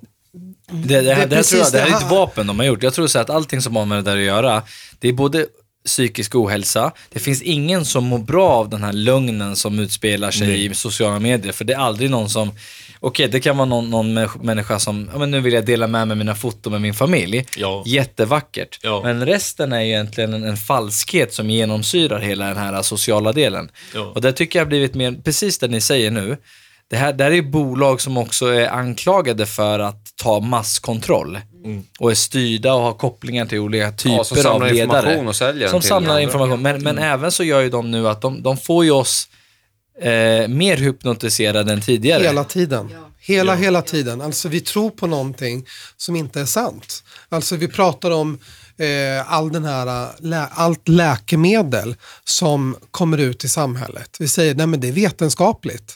Trots att det inte är vetenskapligt. Man, man, man bara slänger ut massa läkemedel hur som helst. Approved by sitter- Läkemedelsverket. och sen så säger man, oj det blir fel, några blir sjuka, ja, ja men det kanske, då, då får vi pröva på något annat sätt. Hela tiden får mänskligheten, år efter år, människa efter människa, få eh, ta smällen av att det inte är vetenskapligt. Och det är det som blir med ayurvedan. Det finns knappt någon, eh, alltså folk far inte illa av eh, ayurvedisk läkemedel. Det, det är så himla enkelt att se det. Det här handlar också om makt hela tiden. Det var ju därför man tog bort den vediska, astrologiska vediska vetenskapen. För kyrkan, människor med makt, kunde inte behålla makten så länge den vediska astrologin fanns. Därför tog man bort det. Och det var lite svar på din fråga förut, Björn. När, vi, när, du, när du frågade vad är det som har hänt, varför försvann den? Det handlar egentligen bara om ren makt. Man vill åt makten. Jag vill bara göra ett inlägg här. Om man säger att den här medicinen, alltså med läkemedel i den bemärkelsen från vanlig vård, man säger den här gör det och det och det här är vetenskapligt bevisat. Men så går det några år och så var det inte så vetenskapligt bevisat längre. Det visade sig att det inte var sant och den skapade mycket problem. Och det är så hela tiden. Det som är vetenskapligt bevisat idag är inte sanning imorgon så att säga. Och det ser vi hela tiden. Men vi har fått för oss att vetenskapligt bevisat betyder absolut. Men det är ju bara teorier allt det här. Det där pratade vi om i Big Pharma-avsnittet Ja, också. Att, ja. att, eh, Det är total pseudovetenskap egentligen. Och det där tycker man ser i samhället. Alltså det är ju hela tiden den här nedåtgående spiralen. Alla människor över jorden bara, mår bara sämre och sämre och sämre. Det blir mer och mer sjukdomar och vi pumpar bara in mer och mer läkemedel. Det är, alltså, det är så uppenbart. Nu är ju bevisen, som jag upplever, det är så överhängande att alltihopa är bara massa trams egentligen. Vi har, vi, vi, Politiker och stora företag har förstört jorden och nu är vi i den här nedåtgående spiralen där människor blir mer stressade, mår sämre och sämre för att vi är helt bortkopplade från det som verkligen är på riktigt. Bland annat ayurvedan, vedisk astrologi, andlighet. Vi är bortkopplade från Gud. Vi är bortkopplade från Moder Jord. Precis som Johan var inne på här i början. Vi är gjorda av de här fem elementen. Och nu helt plötsligt så låtsas vi om att det inte finns. Trots att vi också ser det som vi var inne på lite grann. Samhället styrs fortfarande av astrologi. Med dagar, med månader, med månen. Det här är ju ren vetenskap. Vi lever i astrologin, men vi får låtsas om som att den inte är sann. De vet, man vi vet inte om det liksom. Man vet inte om det. den också. Förvrängt den, förstört den, luras. Att Men- tro att någonting ska vara sant fast Men lite inte på tal om, om läkemedel när vi ändå var där inne och nuddade. Jag, du, vi pratade om, om vedisk läkekonst och ayurvedans mediciner. Vad, vad, vad är till exempel, vad, kan du ge några exempel på, på ayurvedisk medicin? Eller vedisk medicin? Ja, örter, kost, givetvis. Man kan säga maten i sig är ju medicin. Örter är ju egentligen livsmedel fast det är mycket mer fokuserat och koncentrerat. Så om jag satt här och hade en taskig hosta idag, Ja, vad hade du gett mig för någonting då? ja då skulle jag gett dig vissa örter. Till Som, exempel? ja, till exempel, nu kan inte jag alla namn på svenska, men eh, Ålandsrot på svenska, bromelain som kommer från ananas till exempel. Eh, Mulain, olika örter som liksom får det att liksom förlösa slem till exempel. Beroende på hostan, om den, vilken konstitution är den, är den i vattenelement, eldelement eller luftelement?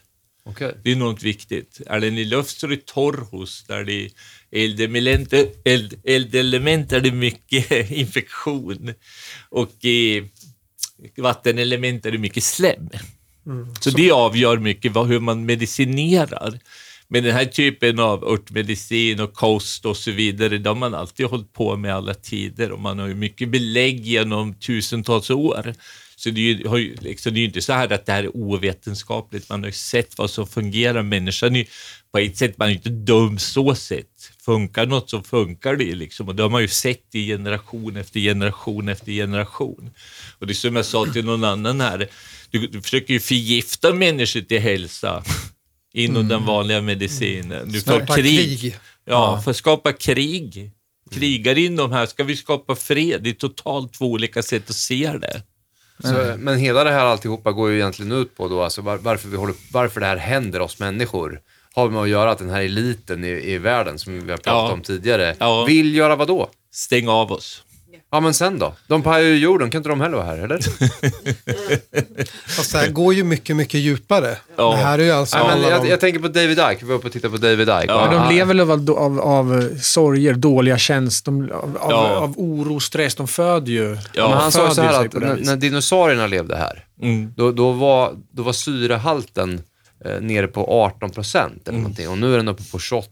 Mm. Jag, jag är osäker på siffrorna, ta inte det, Mm. ta det med en nypa salt. Mm. Men att att det skulle vara lägre syrehalt här då på jorden än dinosaurierna var här. Mm. Och då menar han på att eh, ju mer vi, de pajar i jorden, ju, ju bättre klimat blir det för reptiler att Ja. leva här. Ja, Och det, det, det är en intressant teori. aldrig med hört tanke på att den- Det var jätteintressant. med tanke Ja, på att det har den, att den är fast, eh, jag, jag såg det också på ett annat program om dinosaurierna och just uttalade det, att Mm. nej, men det, var, det var lägre syrehalt på jorden då. Det, är som är, det kan ju i och för sig, eh, om man nu ska vara motståndare till David Icke så skulle han kunna bara snappat upp det och sen ha det Och som att de argument. förstörde dinosaurierna. De tog död på alla genom Ja, styrda meteoriter för att få ta död på folk. ja. Och sen ska jag bara tillägga att vi, det, det här är ju inte någonting vi klankar ner på läkare och så vidare. Vi har fantastisk eh, Ja. Oh ja. vård i Oh ja. Sverige och över världen, så det finns ju fantastiska människor som jobbar med det. Och som kämpar dag och Som kämpar för att vi ska må bra. Eh, Ja. Det, det som jag vet av ren fakta, det, det är ju att när vi tar piller eller vi tar huvudvärkstabletter så är det vi kanske, vi tar ju bort smärta men vi, vi implementerar ju eh, liksom gift någon annanstans i kroppen. Ja. Och det, och det är det att det, jag tycker att det är väldigt sjukt att egentligen att, att man tillåter sig själv att göra det för att man vet inte bättre. Men så fort någon kommer med då en, en, en läkemedelskonst, precis som vi pratar om här, så är det lite hokus pokus för människor. Nej, det är jävla... När det egentligen är helt tvärtom. Precis. Och Det, det, är ju där, det, det, den, den nuvarande medici- medicinen, det är det som är hokus pokus. Precis. Man bara slänger ut någonting för att, Patent. ja, för att liksom testa. När man har den eh, andra vetenskapen som har ja, 8000 år på nacken. Där, men mycket handlar om, tänker jag, det är det här quick fixen. Det är den här, det är den här nya medicinen. Allting ska gå så himla snabbt. Och det är den Och de tjänar pengar på. De får, Ja. ju, de får ju bort smärtan för stunden. Sen har ju det säkert, om jag hade nu skitit och tagit tabletter med huvudvärk så hade jag säkert druckit mer vatten. Jag hade säkert ätit lite bättre då på dagen. Sen hade Och den sen- försvunnit. Och sen varför hade du din huvudvärk? Precis. Det är dit man måste komma, om från, komma dit från början. Nej men jag är bakis. Jaha, va, va, och jag mår illa och jag mår dåligt. Mm. Så jag behöver en quick Nej, men jag tänker bara så här, om man skulle vakna upp en dag, en morgon och känna sig att man mådde lika dåligt som man mådde efter man hade tagit sig en riktig fylla. Då skulle man ju ringa 112 och säga, jag håller på att dör. Någonting är jättefel. Men när vi dricker alkohol, då, då är det normalt. Istället för att tänka efter första eh, bakfyllan, fan det där ska jag aldrig någonsin göra igen. Men det, det, var är, ju så- det, helt så där sjukt. tänker ju alla. Men Ja. det går inte så bra. Så. Det är så Nej. man säger varje gång. Aldrig igen. Aldrig. Jag har en Nej, tjej, men alltså, tjej vi måste ju gå till, det- för det här handlar om så mycket mer, att vi måste gå till roten hela tiden. Vad är det som får att vi blir sjuka? Varför mår vi dåligt? Vad är det vi behöver titta på? Vi måste sluta med de här quick fixen. Gå tillbaka till Moder Jord. Gå tillbaka till det som är naturligt. Annars kommer vi bara fortsätta gå den här spiralen och det här kommer inte sluta bra. Det är bara att titta. Du pratade häromdagen när jag pratade med dig Johan om det här med DDT. Eh, om du vill säga någonting om Vad det? är DDT?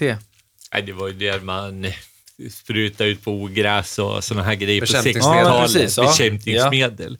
Jag träffade en man på början av 80-talet. Så här, han, han, han är vanlig läkare, men sen vart han ju då också intresserad av naturmedicin och kost och homopati och så.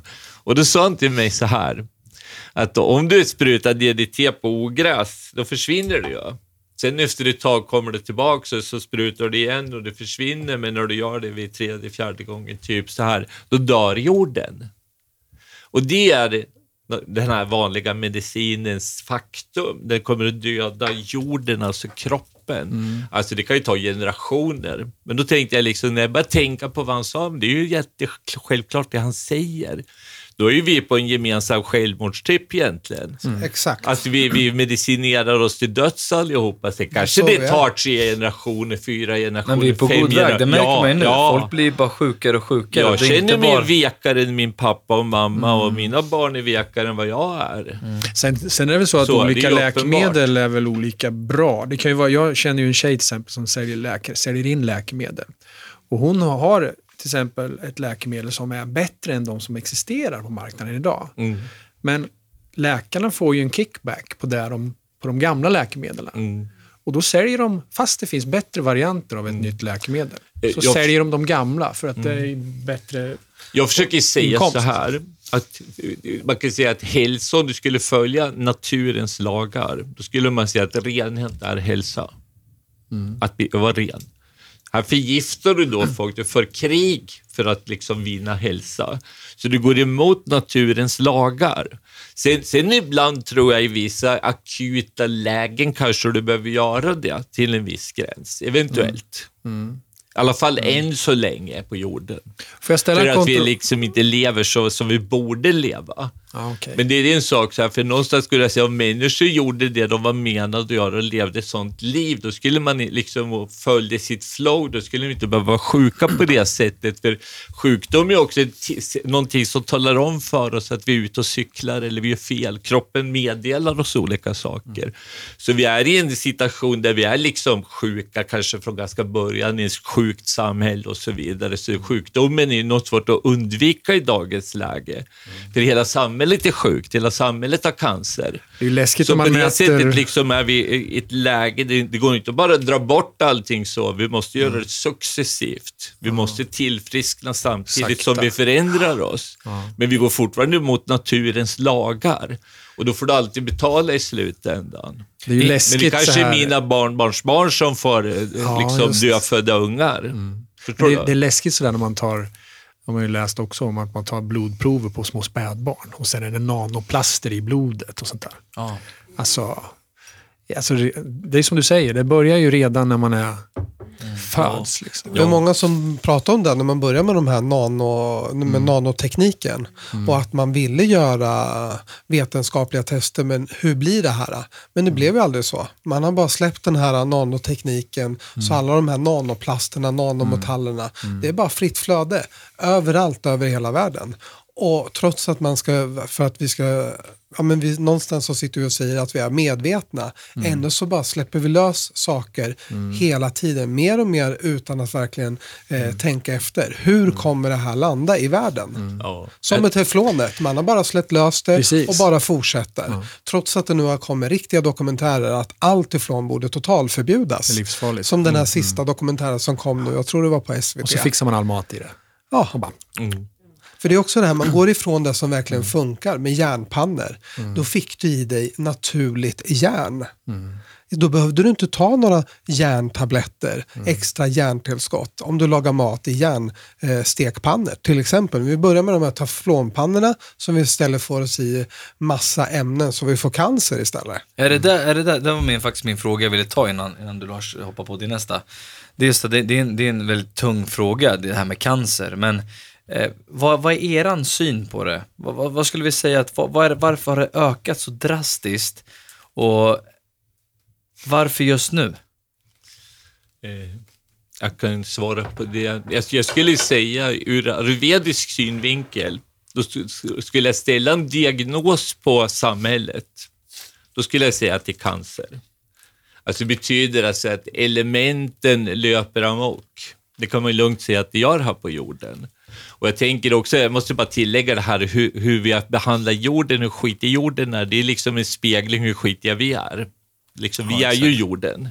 Så det, det är ganska illa, men cancer kan man säga, liksom, om du lyssnar på ordet cancer, kommer ju från kräftan. Kräftan är astrologi som styrs av månen och känslor och blodet. Alla kulturer, alla tider har man då klassificerat cancer som en blodstagnation eller en vattenstagnation. Alltså månen har med vatten att göra givetvis. Det är stagnerat. Och mer så här i modernare tider börjar man prata om försurning. Försurning är ju då när vattnet stagnerar, eller hur? Så någonstans kan man ju säga att det är enormt mycket på, på grund av, ena sidan skulle jag säga känslomässig undertryckelse skulle jag ge liksom en enormt stor del av cancerdiagnoserna. Sen så liksom i den här känslomässiga undertryckelsen agerar vi också då på, på ett sätt som är liksom ointelligent. Alltså vi, vi ska äter saker som gör vårt system stagnerat. Vi lever på stä- sätt som stagnerar vårt system. Vi kanske vantrivs med våra relationer, vårt jobb etc. etc.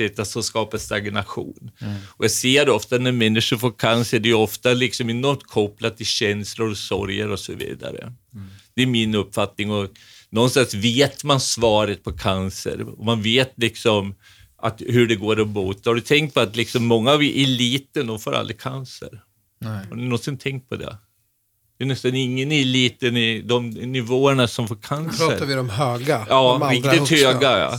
För de vet ju hur man botar det här. Vi har vetat det hur länge som helst. De botade jättemycket här med RIFE-teknik till exempel på 30-talet redan. Så man vet Vad vad, är det för- det vad är är, det för man vet hur de botar det, men man alltså, använder massa liksom, senapsgaser och massa annat skit. Och Så RIFE-teknik? RIFE-teknik. Steve? Jobs fick ju för sig Ja, det är ju mycket Tesla-teknologi. Det är vissa frekvenser du skickar in. Du kan slå på det där Royal Rife. Alltså, det, det finns en bok som heter 50 years of suppression. De botar jättemycket cancer, men ändå mördar de de här människorna i USA. Annars tog man ifrån dem legitimationerna. Man tvingar dem att lägga av med den här tekniken. Så det, den här är liksom cancer, liksom, det finns liksom ställen här på jorden, vissa kliniker på jorden, på vissa ställen där man botar cancer hur lätt som helst. Så det här vi får och håller på med, det är liksom bara skit jäm- Hur jämförelsevis. mycket har maten med det här att göra? Alltså, vi, vi har ju pratat mycket på Big Pharma just det här att vi, vi äter egentligen förgiftad mat. Åker man Ja. till Ica och handlar så är det fortfarande Ja. inte renodlat. Nej, jag skulle säga maten har stor betydelse givetvis, så, men jag skulle säga att det, det, det öppnar sig ofta, vad jag har sett när jag tittat på alla människor i astrologisk bemärkelse, så ser jag att det är alltid kopplat till vissa känslor. Och sen på det blir det mat och det blir det olika strålning och såna här grejer. Men det måste ju finnas någon känslomässig svaghet som öppnar upp en människa för det här. Sen kan man ju också gå in på den delen när vi äter. Mm. Vad äter vi för någonting? Ja, vi äter känslor när vi äter Ja. kött. Ja. Och när vi har djur som är instängda, vi torterar dem, vi håller dem i fångenskap och sen mördar vi de här djuren. Eh, och det här kan man ju mäta då vetenskapligt. Alltså när ett djur eller en människa alltså blir eh, illa behandlad, eh, mår väldigt dåligt, får fysiska skador och blir dödade så utsöndras vissa ämnen i kroppen normalt så försvinner de här ämnena, men blir du dödad, mördad, som helt enkelt djur blir, då fastnar de här ämnena i kroppen och de är kvar till köttdisken, på matbordet, in i kroppen. Och det är lite det här det handlar om också. Inte bara känslor som kanske kommer Adrenalin och- utifrån, utifrån att du också äter väldigt negativa känslor som också påverkar att vi mår mycket, mycket sämre. Det finns ju en del bra dokumentärer om det här. Han pratar också. Eh, vad, What the health. what the health. Ja. What ja, the health. What the health. Ja, det, det, vi, vi visar dem ju enormt liksom mycket kring mat och sjukdom och cancer och, och mat och så vidare. Hur det är och liksom hur folk kan liksom bli av med det mycket av sina mediciner genom att ändra kost och så. Och här, För Jag tror att ändrar du kost, då ändrar du också inställning mentalt och känslomässigt. Like so heart disease. Nej, men det, det är ju också så att det är mycket som händer runt om där när man tycker att det... Jag tror inte riktigt man... man folk tänker inte så långt. Nej. Man tänker bara att oj, oj, nu, nu får var tredje person cancer och uff, hoppas det inte drabbar min familj. Eller, Så mycket Det- rädsla kring det. Precis, och det, Ja. det, det är någonting som föder, för det vet jag också att när, vi har pratat om det förut, att det kan vara att någon får cancer eller får en tumör eller får något annat, man blir så rädd och man utsöndrar så mycket Ja, känslor, ja. så att ibland går det fortare Ja. när man väl har fått det. det är Ja. precis så det är. Det är, Det är sam- precis, det är du, gör, du ställer en jättebra diagnos där, eller Ja. vad man ska säga. Klockren. Eh, den är helt klockren, bara för att innan du visste att du hade cancer, nej, men då var allting lugnt. Men när du får reda på det, Då går det då, på då går det jättesnabbt. liksom. Ja, Varför går det snabbt måste man ju ställa sig Ja. den frågan. Jo, för att du ökar ju den här oron, du ökar den där stressen, du ökar den där smärtan i kroppen. Du utsöndrar fler och fler ämnen som inte är bra för dig. Mm. Helt enkelt. Vilket gör i sin tur att du dör mycket snabbare. Mm. Alltså forskningen finns så här som i Tyskland, de har ju forskat enormt mycket kring cancer och liksom ser just där det, det gror ju i försurad miljö. Tumörer och så. Jag har en... eh, Då har de ju bevisat enormt tydligt så här liksom. När eh, Rob här, som inte är med oss idag, när, när han fyllde år så åkte vi till ett slott i eh, Irland. För han, han är halvirländare, Rob. Så då var vi där. Och då visade det sig att den här killen som ägde slottet, han var finländare var han. Och så hade han en irländsk hustru. Eh, hans pappa var cancerforskare. En framstående cancer, cancerforskare. Och han hade kommit så långt i sin forskning att han kunde kapsla cancercellen så att den inte växte mera. Och nästa steg var att behandla den då. Det hade de inte kommit in.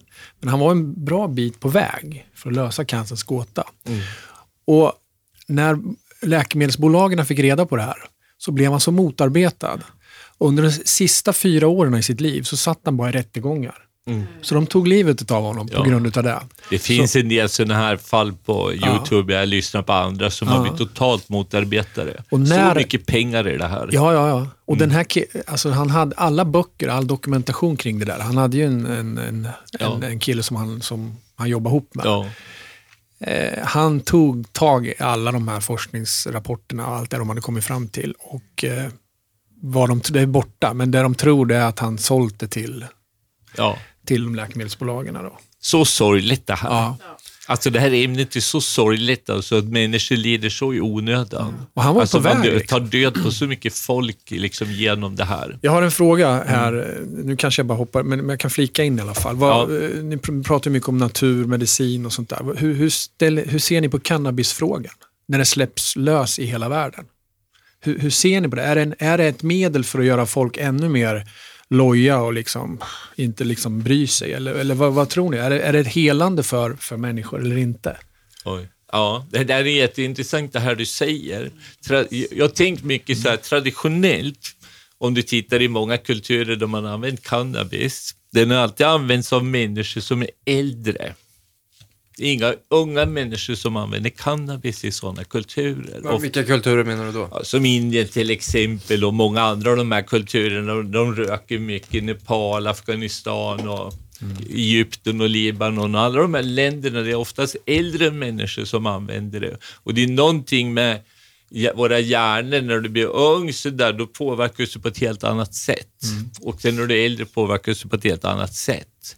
Så normalt i indiskt, i ayurvediskt tänkande så säger de Cannabis är tillåtet inom ayurvediskt tänkande och användas av, men helst efter 63 års ålder. Okej, men ni ser, det- du ser inte liksom som Jag det tror är inte någon- det är så bra till ungdomar som Nej. inte har liksom hittat sig själva och har sig själva och liksom är känslomässigt lugna, att de röker på eller tar det på andra sätt, skulle jag säga, extremt negativt. Men du ser och det inte gör det som- ganska loj så. Ja, ja, ja, precis. Men du ser det inte som en, eh, en, en del i en stor konspiration? Kan du se det så? Jag, jag, I och med att det släpps i varje ja, stat. så Ja, ja, jag skulle säga att det, det, här liksom som jag säger, att man måste gå tillbaka och titta på hur det verkligen har använts och hur du kan vara kreativ med det, för det finns ju mycket bra med det. Det, det finns ett och det här naturligt som nyttjande. Rick Simpson och de här oljorna, vilka bra resultat de har i cancerbehandling. Han har ju 97 procent remission i all cancer. Med, Då pratar vi om CBD-oljan va? Ja, jag pratar om Rick Simpson, den här kanadensare, den innehåller, den oljan använder, det är inte bara CBD, det är också THC i den. Och den använder de ju då både och. Så CBD-oljan skulle jag inte säga är det bästa i cancerbehandling. Det ska vara den här Rick Simpson-oljan. Men har du kollat honom, Rick Simpson? Nej. Kanadensisk, kolla på den. Han kom ju ut med någonting han kallar “running from the cure”. Där han kom på den här oljan då, men den är liksom då från vanlig marijuana helt enkelt. Vad hette han så? Rick Simpson? Rick Simpson. Rick Simpson. Och hur, hur skulle den här påverka mer än en vanlig Ja, det, olja? den har liksom vissa kvaliteter och smärtlindring, men den renar på ett mycket djupare plan. Så den, de ser att den är mycket bättre just när det kommer till cancer. CBD-oljan och råhampa och så är bra på många sätt med ångest och inflammationer och såna här grejer. Men i vissa fall tror jag den här hela oljan med liksom alla ingredienser skulle vara bättre just när det kommer till cancer i alla fall. Men Jag tänker att det är i alla fall en viktig del där du tar upp just med den här delen att det här är bättre för människor som är över 63 års Ja, ålder ja. och inte rekommenderat för unga människor. Nej. Jag tänker att det är, det är en viktig punkt i den här Ja, delen. sitter vi och röker på, då blir det ju inte någon podd här. Nej. Eller hur? Då skulle vi flumma ut för mycket. Men jag tror och vi att det du måste, säger vi helt- är ju helt sant. aktiva människor och kanske Mm. ni har familj och barn och sådär. Liksom, det passar inte, men kommer du upp i en viss ålder där du kan använda det till vi- viss del för att släppa taget och mycket Ja, av ditt liv för att läge. Mm. komma in mer inåt så att säga. Då skulle jag säga Det finns ett visst berättigande Ja, till det. Så- ja, det har ju en och du djupare använder del. den egentligen i, i, på, i sanskrit heter det ganja. Ganja betyder insikt. Mhm. Och traditionellt använder du det som ett orakel. När du var fokuserad, men du behöver en viss meditationspower för att kunna liksom använda det och du kommer få svar på dina frågor. Det Mm. du vill uppleva, det du har fokus på kommer du få svar på som en uppenbarelse.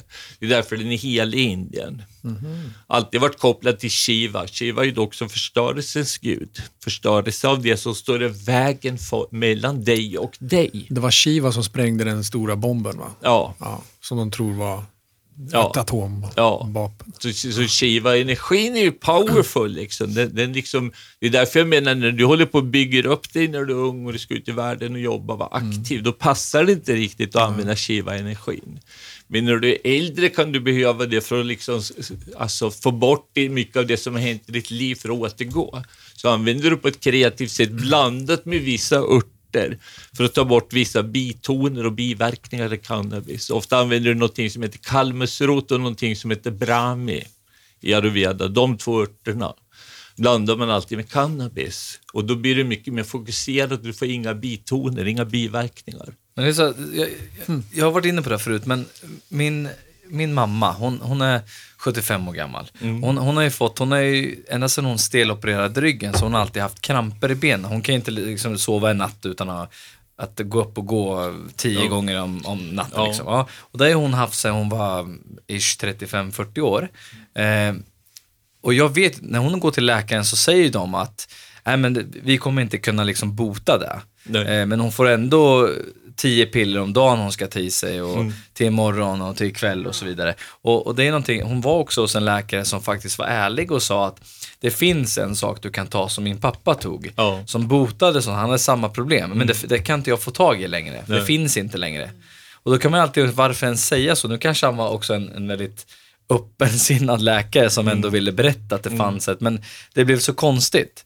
För att min mamma är väldigt så här, hon, hon är den äldre generationen på ett sånt sätt att hon tror på det som var. Liksom. Hon, Ja. hon, är, hon är inte öppen på något sätt så. Ja, Eh, men jag skulle egentligen bara vilja köpa en knippa marijuana eller Mm. ganja och bara sitta och dra ett bloss med henne och se, Mm. kan du sova nu på natten? Men det är ungefär så jag skulle vilja göra. Det är ett otroligt spännande experiment om inte annat. Ja. Vad skulle du ge henne det att du lägger marijuanan i 90% i sprit? Ja, dra Det är en, en shot rakt av då. Ja, ja så då tar du det liksom ja, i droppform. Man kan inte ta dricker man kan inte ta båda Då går det mer i kroppen. Ja. Du vet när du röker då blir du mer utspacad. Ah. Drar du- Annars blir du mer i kroppen.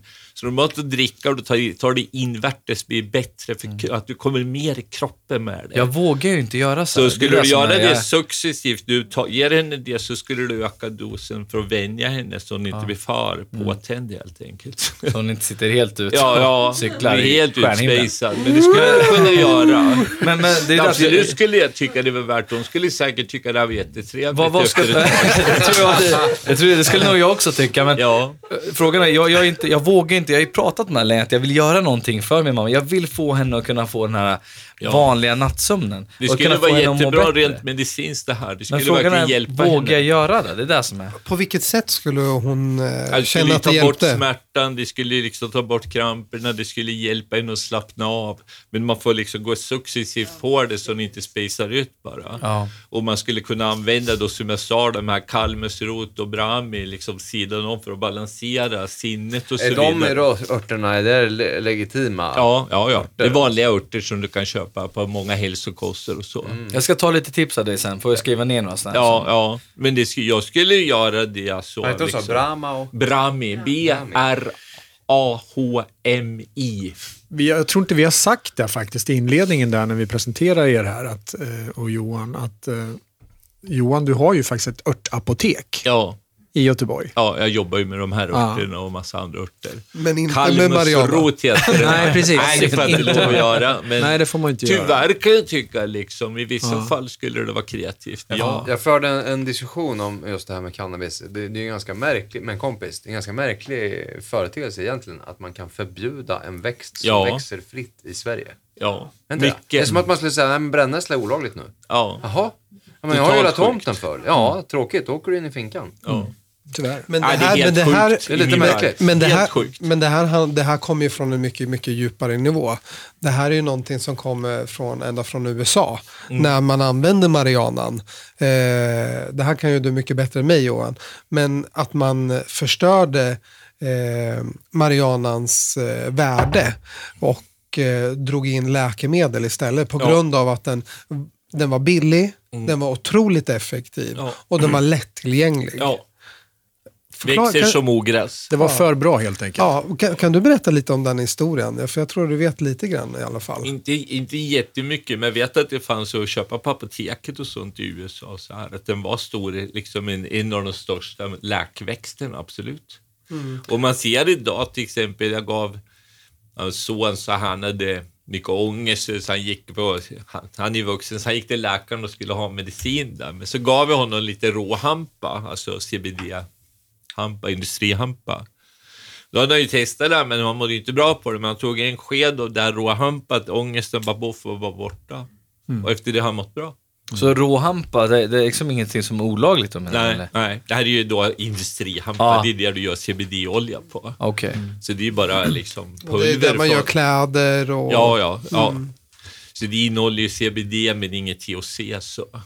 För att det, det jag vet att många som har exempelvis då psykisk ohälsan, där man har lite depression, man Ja. kanske känner, man mår dåligt psykiskt liksom. De får ju sin... Fruktansvärt bra det här råhampa Ja. eller CBD-olja för många. Jag har sett enormt många människor bara bli av med ångest så här, boff, bara borta. Och jag ser ju tvärtom, de som får de här medicinerna som de nu kallar det, Ja. så mår de ju bara sämre Ja. efter det. Det Ja. går över ett tag, sen mår de ännu sämre när de väl slutar med Ja, det, ja. än vad de gjorde innan. Ja, Men sen måste man också vara ärlig och säga, alla örter passar ju inte alla. nej, gör det inte. alla det är inte alla som ska heller äta Nej. eh, råhampa. Nej, för att de inte. inte passar. Nej. Utifrån att, precis som du pratade om Ja. det här med vedisk astrologi. Ja. Din karta är unik. Ja, Vissa örter passar i, vissa örter passar Ja, i inte. sant.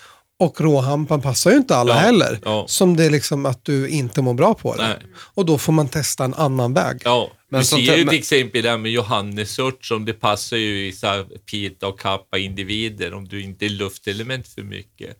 Då är det enormt bra för depressioner och sånt. De hade jätte, jättebra resultat och de har mycket forskning kring det i Tyskland. Det visade sig vara mycket bättre än den här vanliga lyckopillren. Men sen ska, börjar man skriva ner då johannesört, alla biverkningar det har, vilket är ren bullshit givetvis. Då. Och sen försvann det nästan från marknaden helt och hållet. Alltså jag pratar med folk som har sålt det i hälsokosten. Det gick ju ner till 5 procent liksom mot vad du brukar göra, bara så här. Man gick ut med det här. Att, Och det var ju läkemedelsindustrin som förstörde det. Ja, klart de gjorde. Kan du överdosera naturmedel på det här viset? Vissa Ja. kan du göra. Även cannabisen? Eh, det, det, det, de säger för om du ska dö ska du äta cannabis 300 gram tror jag. Så det är enormt svårt, du kommer att spy innan du har fått i dig Ja. det. Så det, det är ju liksom egentligen mycket mer i alkohol, har ju mycket mer folk av. Så det är man- svårt att dö av det så. För man har ju hört en del som eh, har behandlat sig mot eh, depression med cannabis, men sen att det överkonsumerat har de blivit ännu mer, alltså, Mm. gått in i det ännu mera och blivit Ja. liksom Ja. ännu mer triggade i sin depression. Ja. Så att det kanske inte är för bra och Nej, du måste, ju ha balans mellan CBD och eh, THC och sådana här saker också. Nu har man ju tagit fram mycket där THC är alldeles för hög mot CBD. Du, CBD är ju antipsykotisk. du nämnde det här med vata och pita. Ja. Kan du förklara det lite närmare? Man kan säga kappa, det är ju vattenelement och jordelement. Det är mer människor som är lugna och lite tröga och jordade. Det här är alltså så ett sätt att eh, indela människor Ja, i ja, olika kategorier ja, för vilken typ av kropp de har. Är det så du ja, ja, och psyke med för den delen. Okej. Pita är ju mer eldelement, de är lite heta och mycket, ganska fokuserade så här, mycket ledartyper. Sen har du Vata som är lite mer eterelement och luftelement, de är lite nerviga. Alltså det är mycket vind i dem så att säga, så de blir lite nerviga så. Men kan de Kan, behöver ju olika mat och den ena behöver ju landa och den andra behöver ju komma upp och så vidare. hur, hur kan det här utspela sig på människor? Kan man se på en Säg att vi ser nu att en, en person som är orangehårig, kan det bero på att det är någonting med eh, den här eh, kappa eller om det är någonting, att han är det här med eldiga? Eller de som tappar Eld- håret eld- tidigare? eld- eller, ja. kan, kan det utspela sig på något sätt att man ser det i fysisk form? eller Ja, är det bara ja, ja. som... Nej, det ser du fysiskt. För man kan säga en tunn människa blir vatten, en mediumbyggd blir repeat och en större människa blir kappa. Sen är det ju blandning mellan ofta två också. Är du, säg att du är tunn till medium, då är du vata pita, är du medium till lite större, är du pita kappa och så vidare. Liksom. Mm. Så alla människor har en grundkonstitution. Kommer till i ögonblicket du görs. Det där är int- intressant, för det hörde jag på radion idag faktiskt. Kul att ni tar upp det här, för att det handlar om då kroppsbyggare och sånt där, som Ja. bygger sina kroppar och Ja. ska absolut inte vara grovbyggda, för att de har en speciell... Ja. Så, och då sliter det på leder och joints och sånt där. Liksom så. Mm. Så Det inte det en finns bra olika grej. typer av människor. Liksom. Nej. Att Det bygga, så. bygga så mycket bulk, det är ju egentligen inte bra för vår hälsa eller vår andlighet och så. Har det alltså det blir för, densiteten blir för stor. Alltså en, livsenergin kommer inte igenom människor. Hur blir det i, i, i Asien och i Indien? Och där har vi inga orangehåriga, eller? Nej, Nej. nej, nej, det har du inte. Det finns inga eldmänniskor där. inga. De är lugna allihopa. Nej, då, då blir det ju bygget så att säga. Ja. Sen ser du det på ögon, hud, läppar och sådana Så här kan du grejer. avgöra här nu, Fredrik, vad han är för Han ser ut att vara då en pita-kappa. Du, du är ju mest vata. Du är mycket pita, upplever jag. Mest sådär. Sen är det sekundärt det är svårt att säga. Peter är ju vata-pita, hon är ju vata-pita, jag är en vata-pita. Så jag är du, lite- du är lite mer stabil i energin kan jag tycka. Ja, vad trevligt. Så du är lite mer pita-kappa. De Är det bra eller starka. dåligt? Indiskt är det det bästa. Okej. För då har du mest kapacitet, du är mest stabil i din energi, mest uthållig och så vidare. Gött, tack för det. Jag kanske är, kanske är en liten eh, halvindisk eh, pojke egentligen. Kan det vara så? Yogi. Ja, så är Lite det. häftigt vart man kan vara ifrån. Och så. Men hur, hur länge har du studerat där? Hur länge har du liksom, har du varit runt i världen och gjort sådana här saker? Eller vad? Ja, jag bodde i det Indien i åtta år sammanlagt. Vart bodde du då studerade någonstans? Mycket i Himalaya-regionen och mycket i öknen, i det som heter Rajasthan, ökenregionen. Där var jag mest så, men sen har jag rest jättemycket i Indien. Jag har studerat Ayurveda och astrologi när jag var i Indien mycket under många år. Men hur, hur kom det sig att du åkte dit? Vad, vad... Ja, det började med att... Och när var det? Jag åkte dit 1978. Jag var 17 år. Så pass tidigt alltså? Ja, då åkte jag. Jag fick en andlig upplevelse kan man säga, från den här andliga upplevelsen. Vill du berätta? Men tog du dig dit själv då? Ja, åkte, åkte landvägen till Indien då. Kan du berätta hela historien? Wow. Det låter Ja. jätteintressant. Vad, vad, vad var Ja, den jag, andra var ute upplevelsen? och, jag var ute och gick med en vän så. Och eh, då var jag 17 år, jag var nära 18 år. Och eh, någonting hände med mig att jag fick en hjärtöppning. Det var som hela mitt hjärta helt öppnades. Och i den här öppningen vart allting otroligt vackert. Och jag liksom kommer ihåg att jag gick där och undrade vad som hände.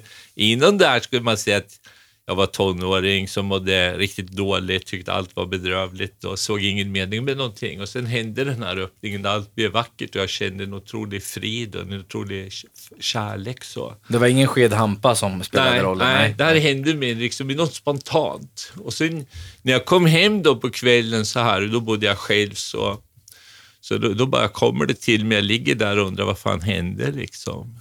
Hur kunde det kännas så bra? Och då bara kommer det till mig, åk till Indien. Jag bara känner det, jag måste till Indien. Så jag ringer upp min mamma och säger att jag måste åka till Indien. Min mamma är lite speciell kan man säga, det var speciell. Hon lever, ja hon är ju fortfarande så, men hon lever i andra världen då. Så min mamma har rest i 143 länder i sitt liv. Så min mamma säger till mig då, ja men vad skönt, vad roligt för dig. Det tycker jag absolut du ska göra. Så hon blir jätteglad. Vilket Ja, gjorde mig lite vilken- förvånad. vilken här, oj. mamma. Vilken härlig mamma. Ja.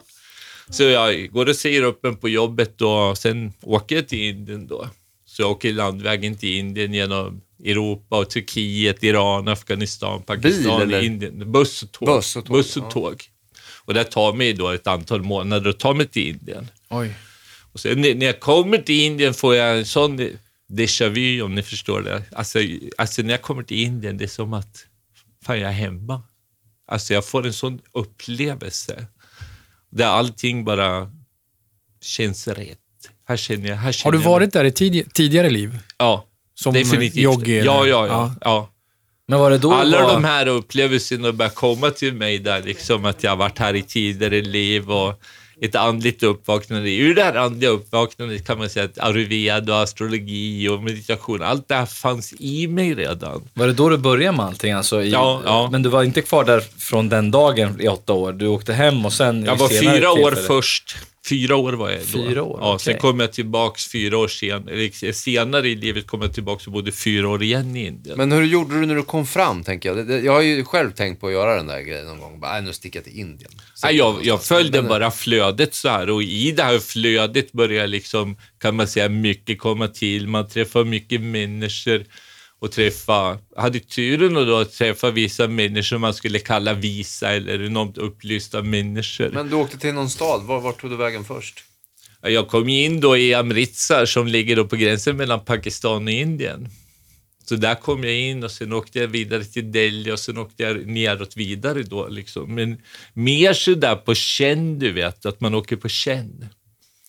Att man hamnar där och hamnar där. Du träffar någon som säger det här stället är fint. Jag visste inte hur mycket, jag hade ingen aning när jag åkte till Indien. Jag visste inte att det gick tåg, jag visste inte om det gick buss, jag visste ingenting. Jag hade bara fått för mig, jag måste dit. Det var allt jag visste. Och dit kom du. Men, men sen då? Sen träffade du någon, någon, eh, någon yogi där, eller någon lärare ja, på något ja, sätt. Ja. Och vem, vem var det då? Berätta mer. jag träffade en man som jag fick, gick igenom en initieringsprocess. Liksom in i en viss tradition i Indien då. Vad, vad, vad var en det viss för något? tantrisk tradition. Okej. Ja, tran- tantra betyder egentligen teknik så. så när man- Meditationer eller? Ja, meditation, ja. precis. Och någonstans i det här börjar liksom allting vakna upp. Så mycket av det här när jag pratar om såna här lite konstiga saker här av konspirationer eller utomjordingar, allt det här kom till mig. Det var som, det bara, jag fick sådana nedladdningar av information. Så allt det här, det, det var som jag bara visste massa saker.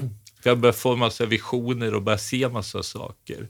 Pratar du om Mina vima, guider kom in och började prata med mig. Ja. Pratar om vimanas med, med Ja, ja Yogi, Vimanas, ja. absolut. Ja. Ja. så, så mycket av det här kom och jag fick mycket visioner över vår framtid och att vi lever in i någon kritisk tid.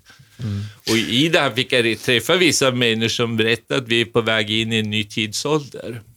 Och jag kände ju det själv, att det är någonting som kommer att hända liksom här i framtiden. Och eh, Vad var det som kom tänkande då då? kallar du det här guldåldern, att vi är på väg in i satya, satya yoga. Från kali yoga den mörka tidsåldern, vi kommer gå in i satya yoga. Alltså sanningens tidsålder är på väg. Och jag, jag såg ju att det här kommer ju hända här på jorden. Och sen dess har jag då försökt jobba för det här. Men jag har också sett då liksom vad vi har emot oss. Att det är enorma vart är krafter. vi nu någonstans?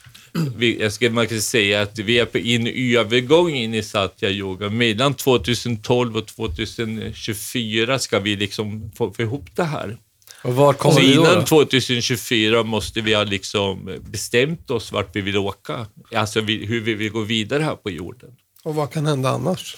Ja, det kan man säga att den här jorden står och faller med vårt beslut. Vill vi skapa liv på jorden eller vill vi skapa död? Just nu vill vi skapa död mestadels och då kommer alla människor dö. Men vill vi vad som skapa liv så får vi liksom en möjlighet till en total transformation. Och då kommer vi gå in i satya yoga. Det är ju inte liksom så alltid förutbestämt så här, för vi har ett val.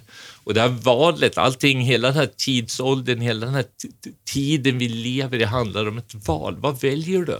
Väljer du det mänskliga, alltså kärleken, eller väljer du att följa med mörkret och den här strömmen? Det är hela grejen. Vi ska gå vidare i Mm. din berättelse, men jag vill bara ställa frågan, hur ser du liksom på olika dimensioner och sådär? Eh, Existerar det och är det samma? Jag menar, förstör man ena dimensionen så kanske den har valt en helt annan väg i den andra. Liksom, eller hur ser du, ser, hur ser du på dimensioner? Mm. Finns det liksom parallella världar eh, enligt dig? Eller är det en existerande värld? Vi, vi, vi lever i massor med dimensioner samtidigt. Du existerar i många dimensioner samtidigt. Och eh, man kan säga att vi, vi är på väg att försöka integrera ett multidimensionellt medvetande här på jorden. Där du existerar i en multivers, så att säga, i många dimensioner. Och det, man kan säga att det håller på att öppnas mer och mer på jorden. Så jorden, kan man säga, just nu är vi liksom klart på väg in i fjärde dimensionen. Kan man säga att, att déjà vu är någonting med sånt som har med dimensioner att göra? Att Ja. man, när du upplever saker hela tiden så Ja. Har du gjort det Ja, på riktigt? Ja, det är ju det är ju ett igenkännande. Nu när jag använder déjà vu, då, då menar jag bara ett igenkännande. Alltså momentet av igenkännande. Ja, du har träffats, vi kanske har träffats i tidigare liv, då får vi en déjà vu. Alltså det blir en kvalitet av närvaro så där håret står, står rakt upp på oss, hela kroppen. Det är lite déjà vu så. Eller Mandela-effekten på ett sätt. precis. Ja. Också två liksom, parallella Ja. världar som Ja, slås ja. samman. Och, man Och får vi, vi olika skapar ju vissa timelines så att säga. Så den, just nu har vi ju liksom vår timeline sen månförmörkelsen här i början av året. Kommer ni ihåg det? Då har ju timelinen ändrats totalt här på jorden. Den är mycket, mycket mer positiv. Men det, Ja. det, är så, det är så sjukt intressant när vi sitter och pratar om det. För det första jag tänker på liksom, det är att folk här ute börjar ju nu öppna upp sig om andlighet. Liksom. Just det här, de, de ser det okända på tv och så tänker de wow. Det finns nog, eh, att, att det finns nog ett annat liv efter det här. Liksom. Jo. Men de tänker inte att vi lever kanske i olika dimensioner. Många kan uppleva saker hemma som kanske då är en dimension som händer. Eller att man kan känna en lukt Ja. som man känner igen att den, nu är lukten här, den här kände jag när jag var liten. Ja. Och så tror man att det har någonting med, med spöken att göra. Ehm, det, det är väldigt stort det här. det är mycket Liksom hur- stort. Det är väldigt djupt. Ja, det är det. Det, det, det, det är mycket, mycket mer stort än någon av oss förstår. Det, det, det är liksom, jag känner, alltså det finns alltid bara mer och mer att uppleva och förstå. Det finns ingen gräns. Tänk dig själv. Det finns ingen gräns vad du kan uppleva. Nej. Alltså, vi, vi börjar ju nudda på evigheten här. Och då kan man ju undra, hur långt har du kommit i evigheten? Ja, precis. Du står alltid i begynnelsen, Ja. eller hur? Ja. Nej, men vi- har ju pratat om det förut också, med det här med tid. Ja. Vad är tid egentligen? Vi ser ju bara att våra kroppar eh, förskrynkligas, eller vad ska man säga? Vi, vi Föråldras. föråldras, ja. Vi blir ju liksom en, en annan, vi ser annorlunda ut, det är det enda som händer. Mm. Ja, det enda vi kan veta det är att någonting händer. Universum expanderar. Det är någonting som händer energimässigt. Men vad är det för någonting? Det är ju bara en, eh, någonting som vi har hittat på. Vi har hittat på tiden. Mm. Någonting annat finns ju egentligen inte. Alltså det är ju det är, ju- det är mer än att nej, men någonstans så behöver vi sova. Mm. Vi ska veta när det blir Eh, mörkt. vi, vi åker runt solen på något. Mm. Vi gör ju det. Vårt jordklot åker runt solen. Mm. Men finns tiden? Vad är tiden? Mm. Eller är det bara någonting som händer hela tiden? För det, det, det, det jag tycker är mäktigt är att, om jag säger så här då, om vi bryter ner människan, vi bryter ner våra kroppar till, till mini, mini, mini, mini, mini, mini, vad finns kvar då? Sitter vi ihop då, eller är det mellanrum mellan alla de här molekylerna och allting som är? Eh, Otroligt mellanrum. Otroligt mellanrum. Ja. Otroligt Och, och, det, är- mellanrum. det, Lika stort mellanrum som mellan stjärnorna. ja, och då, då säger jag så att det, det är ju vetenskapligt bevisat att vi är byggda av molekyler, eller hur? Ja. Men skulle man säga det då till mänskligheten att vi sitter, våra kroppar, de sitter inte ens ihop när vi zoomar in och zoomar in och zoomar in och zoomar in. Hur skulle man få reaktionen då? Du menar hur folk skulle reagera på Ja. en sån... Ja, Du tänker på Star Treks, den här partikel... jag tittar inte ens på Star Trek, men, men jag tänker på att det är en jäkla Beam djup me sak down, att prata om. För att när, när vi har människor som försöker öppna sig och att man börjar på vissa saker som är helt, helt bizarra att öppna upp och prata om. Börjar man hårt så är det mycket lättare att ta in annat. Och det, det är det som, när jag fick höra det första gången, att, att, att vi bara är molekyler som inte ens sitter ihop. Då tänkte jag, ja, men det kan inte stämma, det, det här måste ju vara något, det, det är omöjligt. Jag, tänk, jag tänker på Star Wars, med the, the force field. Liksom. Ja. Det är det som... Ja, jag vet, jag, jag tittar inte på. Star Wars, så att jag är, Nej, du tittar inte på någonting. nej, Jag skulle vilja gå, komma in och bryta om det är okej. Mm. Eh, du var inne på att det är någonting som har hänt nu eh, med den här, den här sista månförmörkelsen.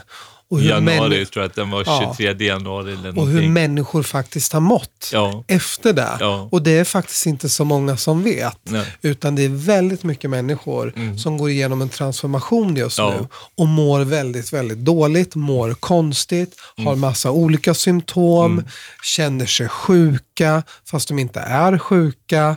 Och eh, det här tänker jag är ganska viktigt att allmänheten får reda på. Ja. Att det är någonting faktiskt som händer energimässigt Ja. just nu Ja. på jorden. Därför kan många människor må väldigt, väldigt, väldigt konstigt. Mm. Och du som lyssnar där ute, så det handlar inte om att du är jättekonstig på något sätt, utan det är faktiskt handlar om att det händer saker energimässigt just nu.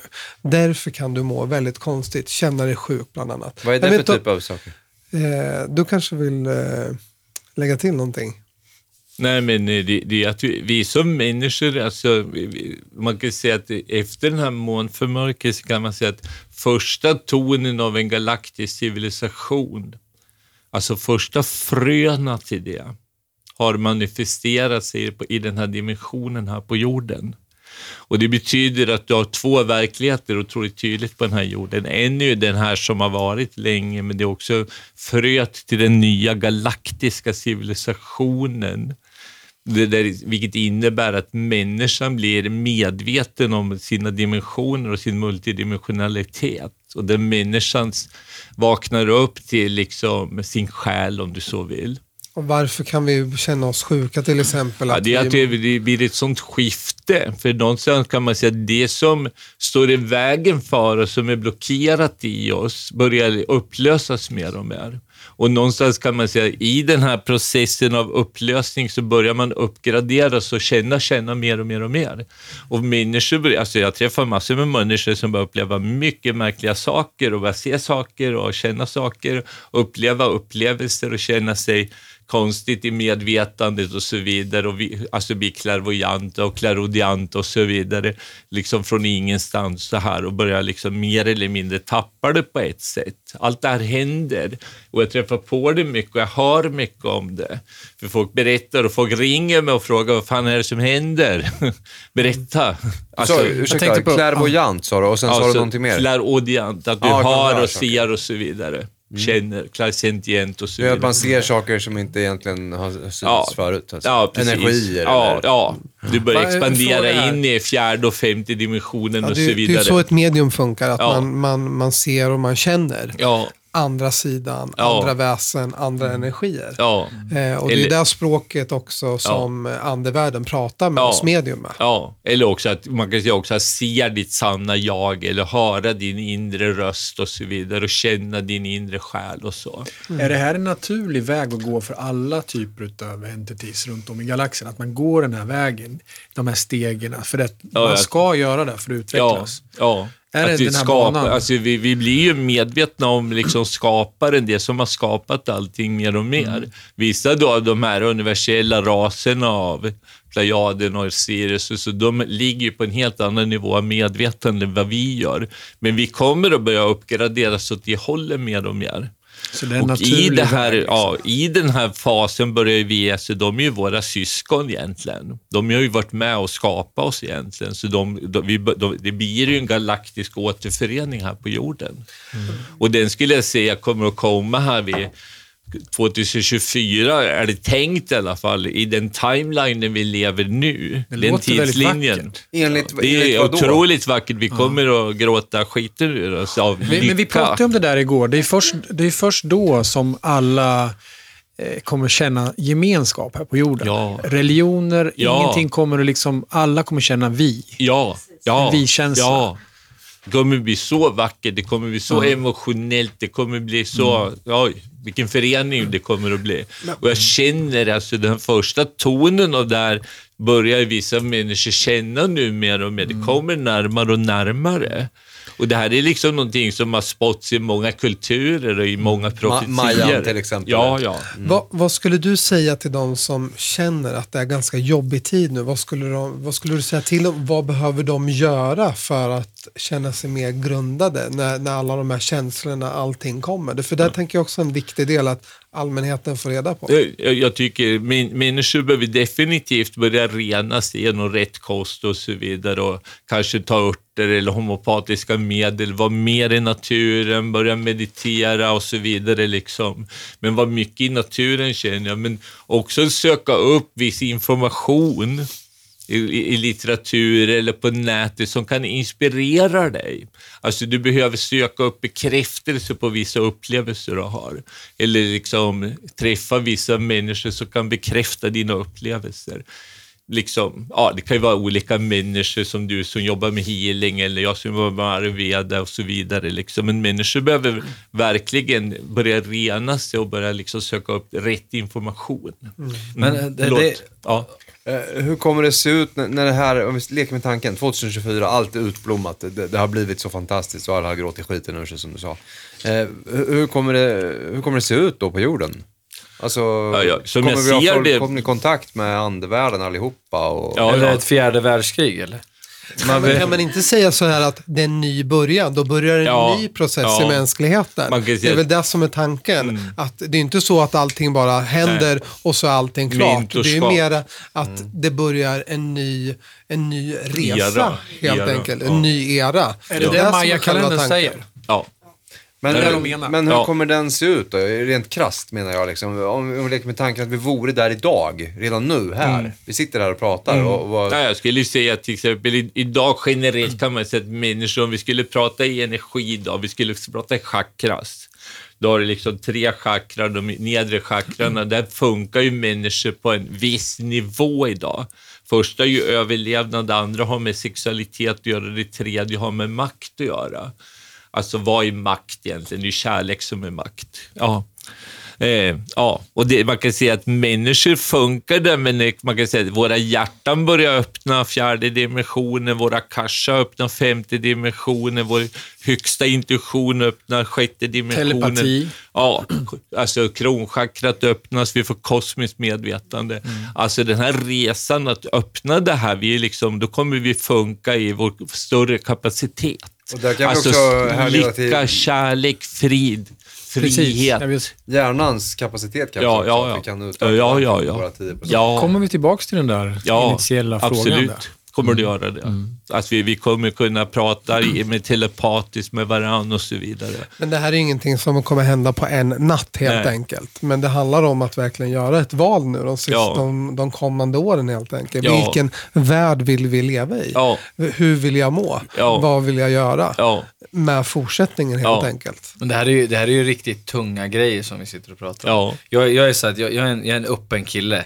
Jag, jag kan vara lika kritisk mot sånt här. Jag kan Mm. också känna att ja, men jag, jag, jag får en feeling att ja, men det här låter bra och jag, jag, jag, jag kopplar med det. Mm. Och då kan jag tro på det. Mm. Jag kan tänka mig att många människor där ute, även som lyssnar, kan även känna att man spårar iväg lite. ja Va- absolut. va- va- hur kan man förklara sådana här saker på ett enkelt sätt? För att vi pratar ju väldigt mycket i sådana här tyngre termer. Ja, och det är då det skulle- börjar kännas lite så här, shit, jag, jag hänger inte med. Mm. Jag skulle vilja förstår säga det. så här, i, i den här världen vi lever i, liksom, mä- människan är kvar i, liksom, som ett djur. Nu menar jag inget ont om djuren, men man kan säga att människan lever på ett sätt där det är äta eller ätas.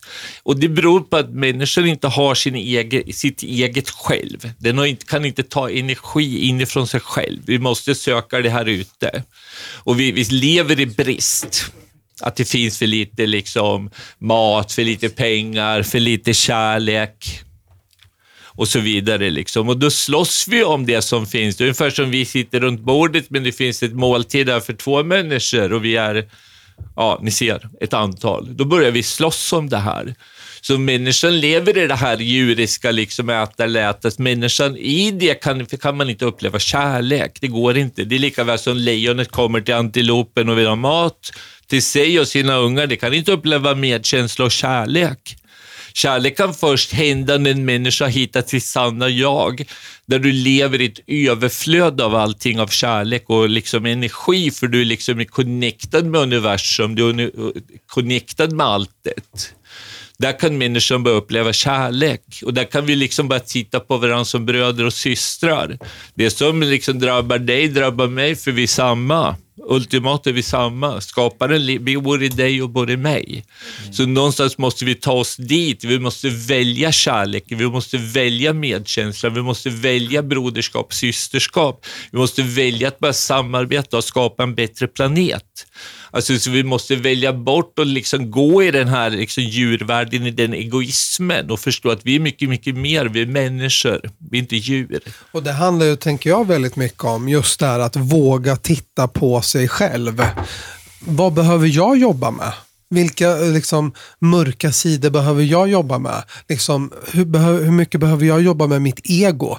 Tänker jag verkligen på det bästa för mig själv och för alla andra? i en gemensam del, helt enkelt. Om vi inte jobbar med vårt ego, om vi inte jobbar med våra skuggsidor, så blir det heller aldrig bättre. Utan vi måste jobba på, på oss själva. Det är liksom en del i hela den här resan. Så skuggorna är där också för att lära dig någonting om dig själv. Absolut. Och det här är ju inget konstigt, det här är något här är- som vi nej. arbetar om. Vi skulle, Ja. om vi skulle säga så att vi att vi, vi lägger om det här så finns det ju coacher där ute, speciellt när jag jobbar, jag jobbar i försäljning och jag menar, där är vi ju många som coachar i ständig coachning för det mentala. Hur du ska tänka, hur du Precis, ska det är en del. liksom få ut känslan på rätt sätt så upplevelsen blir fantastisk. Och det är ju exakt samma sak som vi pratar om, fast folk kan inte koppla det på det sättet. De måste veta att ja, men det här är en cellcoach eller det här är en mental coach. Wow, nu ska jag lära mig någonting. Du menar man skulle ta det till samma nivå? Precis. Ja, Och då precis. skulle det vara, nu, nu, sen sitter vi och pratar, då är det helt plötsligt, nej men det här är nog lite hokus pokus. Nu pratar vi om stjärnor, nej men fan.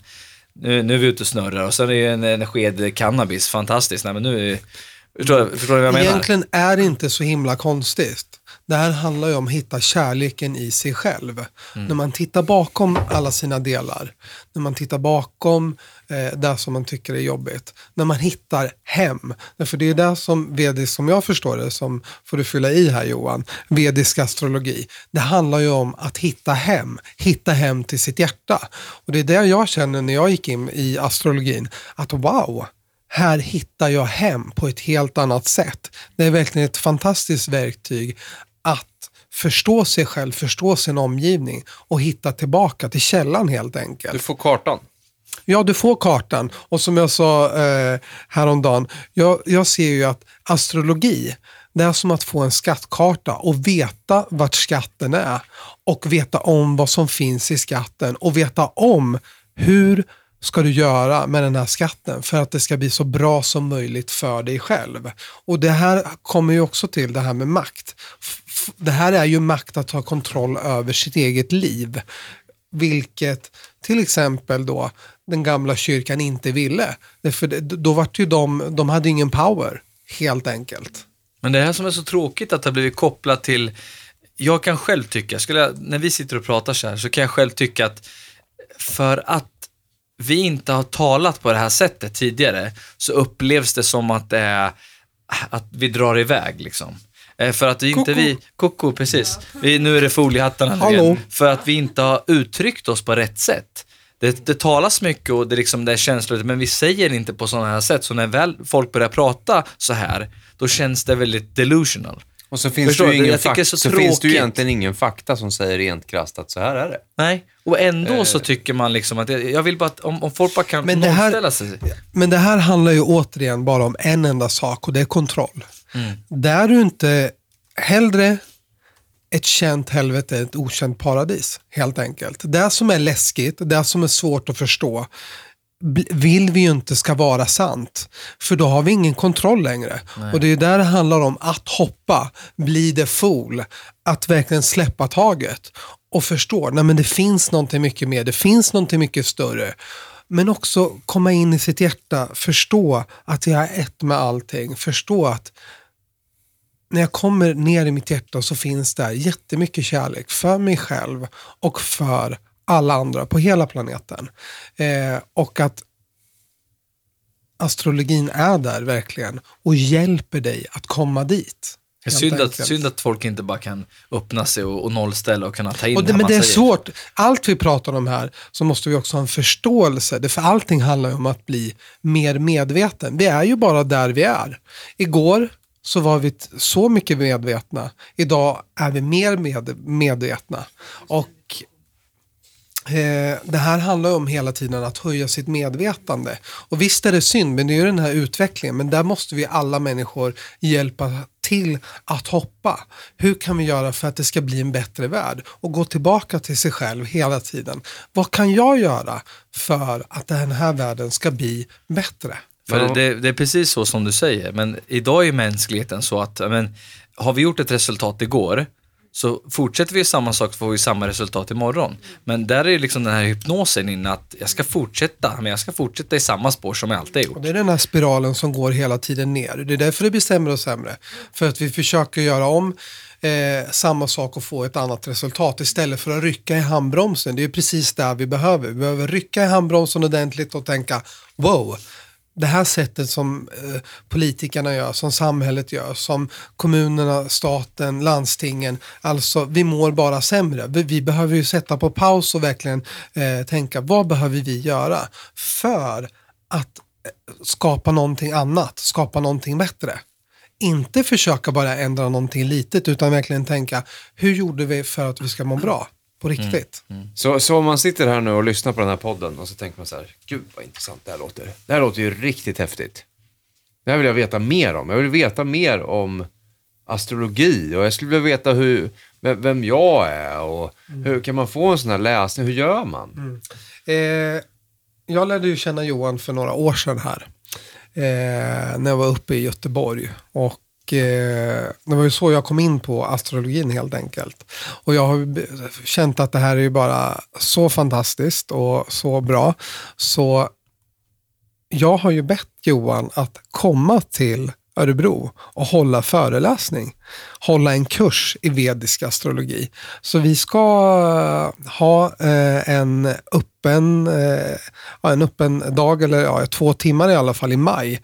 Den 18 maj eh, mellan 11 och 13 på en central plats eh, här i Örebro. Och sen så börjar en ettårig kurs under hösten nu 2019. Så eh, det här Facebook-eventet finns och då står det astrologikurs inom parentes vedisk med Johan Andao.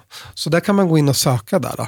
Och man Om kan man inte har Facebook så... då kan man eh, skicka mail, eh, för jag kommer vara kontaktperson då här i Örebro. Eh, och då kan man skicka mail till indigoinmaking gmail.com och eh, där kan man få mer information. Ta det igen. Indigo. Indigoinmaking gmail.com Indigo in making gmail.com Ja, jättebra. Kan, vi kan verkligen rekommendera det Johan, eller Björn, vad vi var, var med om igår. Ja, det var ju spännande. Så det, det blir en riktig resa för er som eh, får ta del av det här och, och liksom eh, upptäcka nya, nya delar av en, en, en värld som inte jag, jag kände inte till den på, på så sätt som jag gör nu. Och jag har ju bara, bara nosat på den, så det är ju fantastiskt tycker jag. Och jag skulle också vilja säga det att det här finns även på Facebook, Veda Aurum. Eh, och Johan har ju då, eh, om det är okej att jag pratar för dig ja, nu Johan. får prata för mig. Absolut. Eh, nej men du ställer ju sådana eh, vedisk astrologi eh, konsultationer via telefon och Ja. på plats i Göteborg. Ja. Eh, och då kan man ju höra av sig till dig och få en sån. ja. Eh, ja. Och det kan jag verkligen rekommendera. Jag har gjort två stycken och eh, jag har ju känt att jag har fått mycket bättre eh, syn på mig själv, varför jag gör de valen jag gör, va- vart ska jag någonstans i livet, eh, hur funkar jag och ja, man, allting börjar med förståelse, att bli medveten. Och det har ju hjälpt mig jätte- jättemycket. Att få den här medvetenheten, att få den här förståelsen för mig själv och min väg. Genom att eh, ja, gå, göra en sån här vedisk eh, konsultation tillsammans med dig. Det är därför jag också vill ta det nu till Örebro. Eh, och jag blev ju jätteglad när du tackade ja till det. Och hoppas nu att den här kursen blir av verkligen. Men Johan, dig kan man också få tag på kanske via någon hemsida eller? Eh, Veda Aurum heter det stället jag har. Och eh, det, jag då, man kan ringa mig då för att beställa tid om man vill. Grymt. Ja, men grymt. Då vet vi det. Ja, Jag skulle vilja ta ett litet sidospår här. ja. För nu kommer ni inte undan här grabbar. Nu, nu kommer vi gå in på lite, lite Du, saftiga du är på grejer hugget här. Du, Du, du, är du, verkligen min på eh, hugget. kapka, eller vad heter det för någonting? Min eldsjäl. Du ser. Nu, nu har du verkligen fått eh, nej, men känsla var du är och då kan man liksom ta tag i den här Ja, energin på ett annat Du är sätt. på gång här Jag är på gång här. Jag känner det, liksom Jajamän. energin här. Du Och då brinner jag- här, du Och vet. som vanligt, jag dricker inget te. Det är andra gången som vanligt. Fick några piller här i början, men eh, det var några bra piller. Nej, jag tänkte så här, kan vi dra ett litet sidospår just in i, nu har vi varit inne och, och, och snuddat på dimensioner, vi har varit inne och snuddat på, på galaxer och, eh, och så vidare. Men om vi säger så här, vi, vi är ju ett gäng eh, eh, rymdkillar, om vi säger så då. Vi, vi älskar ju allting med rymden, vi älskar allt med UFOs och alla mysterier som händer och så vidare. Eh, Har ni själva upplevt någonting eller har ni, har ni varit med om någonting? Ni är ju väldigt insatta i den här delen så jag kan tänka mig att ni sitter på något roligt. Mm. Ja, Jag har haft må- många sådana upplevelser. Har du någonting att dela med Och det är dig? lite roligt så här, för det. jag tänker, jag är ju också intresserad av rymden och var det ända sedan jag var barn. Jag var helt fixerad vid stjärnorna när jag var barn. Jag ville, så att, låg alltid och tänkte på stjärnorna. Så gjorde jag med. Ja, Jag med. så vi är astrologer men samtidigt i den här resan får jag kontakt med utomjordiska civilisationer. Man kan säga som eh, vuxen människa fick jag kontakt med eh, Plejaderna 1988. Vad innebär det för folk som Ja, inte vet vad det hur? är? Hur fick du kontakt med Ja, dem? jag var, jag var ute i Göteborg, utanför Göteborg. Jag låg i sovsäck där en natt med en kompis. Den här kompisen kan jag tillägga, han är enormt skeptisk mot allt sånt här. Vi pratade ingenting om såna här saker. Och eh, ja, vi sitter där och pratar på natten så och ur tomma intet alltså kommer det ut ett skepp, alltså som ett ljusskepp, bara puff så här Nära er eller? nära oss, kanske 40 meter ifrån oss och det hänger i luften ovanför en liten sjö. Du ser, alltså man ser bara ljus? Eller? Ja, man ser bara som ett ljus, ungefär som du tänker som ett tallrik ungefär, men det, det är alltså ljussken bara, otroligt starkt ljussken. Och eh, min kompis tittar på mig och säger, det är ett skepp där, det är ett skepp där. Helt förskräckt blir han liksom då, som inte tror på sånt här. Och jag sitter ju där och tittar på det där skeppet och vi sitter ju där verkligen, jag blundar verkligen och tittar igen, ja det är kvar. Och ingen ayahuasca? i- Nej, nej, nej, ingenting sånt. Det är helt vanligt samtal mellan två killar då liksom på 27 år så. Jag var 27 år på den här tiden. Och eh, det här var ju intressant för det hänger kvar, hänger kvar. Och han säger till mig, min kompis, konstigt, det känns som det är någon där inne och de vet precis vilka vi är. Ja, jag vet, säger jag. jag känner verkligen det. Så det hänger kanske där i tre minuter, så pass nära. Och sen säger min kompis så här, helt plötsligt, hans mind börjar komma in och säga, det här kan inte vara möjligt liksom. Och då börjar det här skeppet åka iväg och sen ser man det försvinna i horisonten. Och sen sitter vi där kvar och pratar och vi är ju verkligen chockade så här. Men eh, sen i alla fall, eh, ja, tänker jag, jag lägger mig i sovsäcken så här. Så jag ligger i sovsäcken. Det här ligger ute precis på Youtube, den här berättelsen. För vi har, jag har många, ut, många föreläsningar och många saker utlagda på Youtube. Så den här berättelsen ligger på Youtube, om ni vill gå in och titta på Veda Aurums kanal på Youtube. Men i alla fall, eh, så jag ligger där i sovsäcken och, och sen känner jag då, liksom, när det har gått ett tag, jag kan inte riktigt sova, känner det är fan någon bakom mig. jag, jag känner och har hur det någonting går bakom mig och jag känner att det är tre människor, eller någonting, tre någonting bakom mig då. Kanske tio meter bakom, jag hör ju hur det prasslar i där. Och sen känner jag hur någon börjar gå fram emot mig. Alltså, jag ligger där då, ganska rädd så, och jag ligger där och bara, åh gud hjälp mig. liksom. Och sen känner jag hur någon sticker in en hand precis här i min nacke och rör min nacke. Och precis när jag får det här, han rör min, ja, det känns som en hand i alla fall, men han rör min nacke. Då säger det bara flash och så, sen är det bara ett enda ljus. En, bara som en explosion av ljus. Så jag, jag bara ser ett enda ljus och sen poff, jag borta. Är du abducted då eller?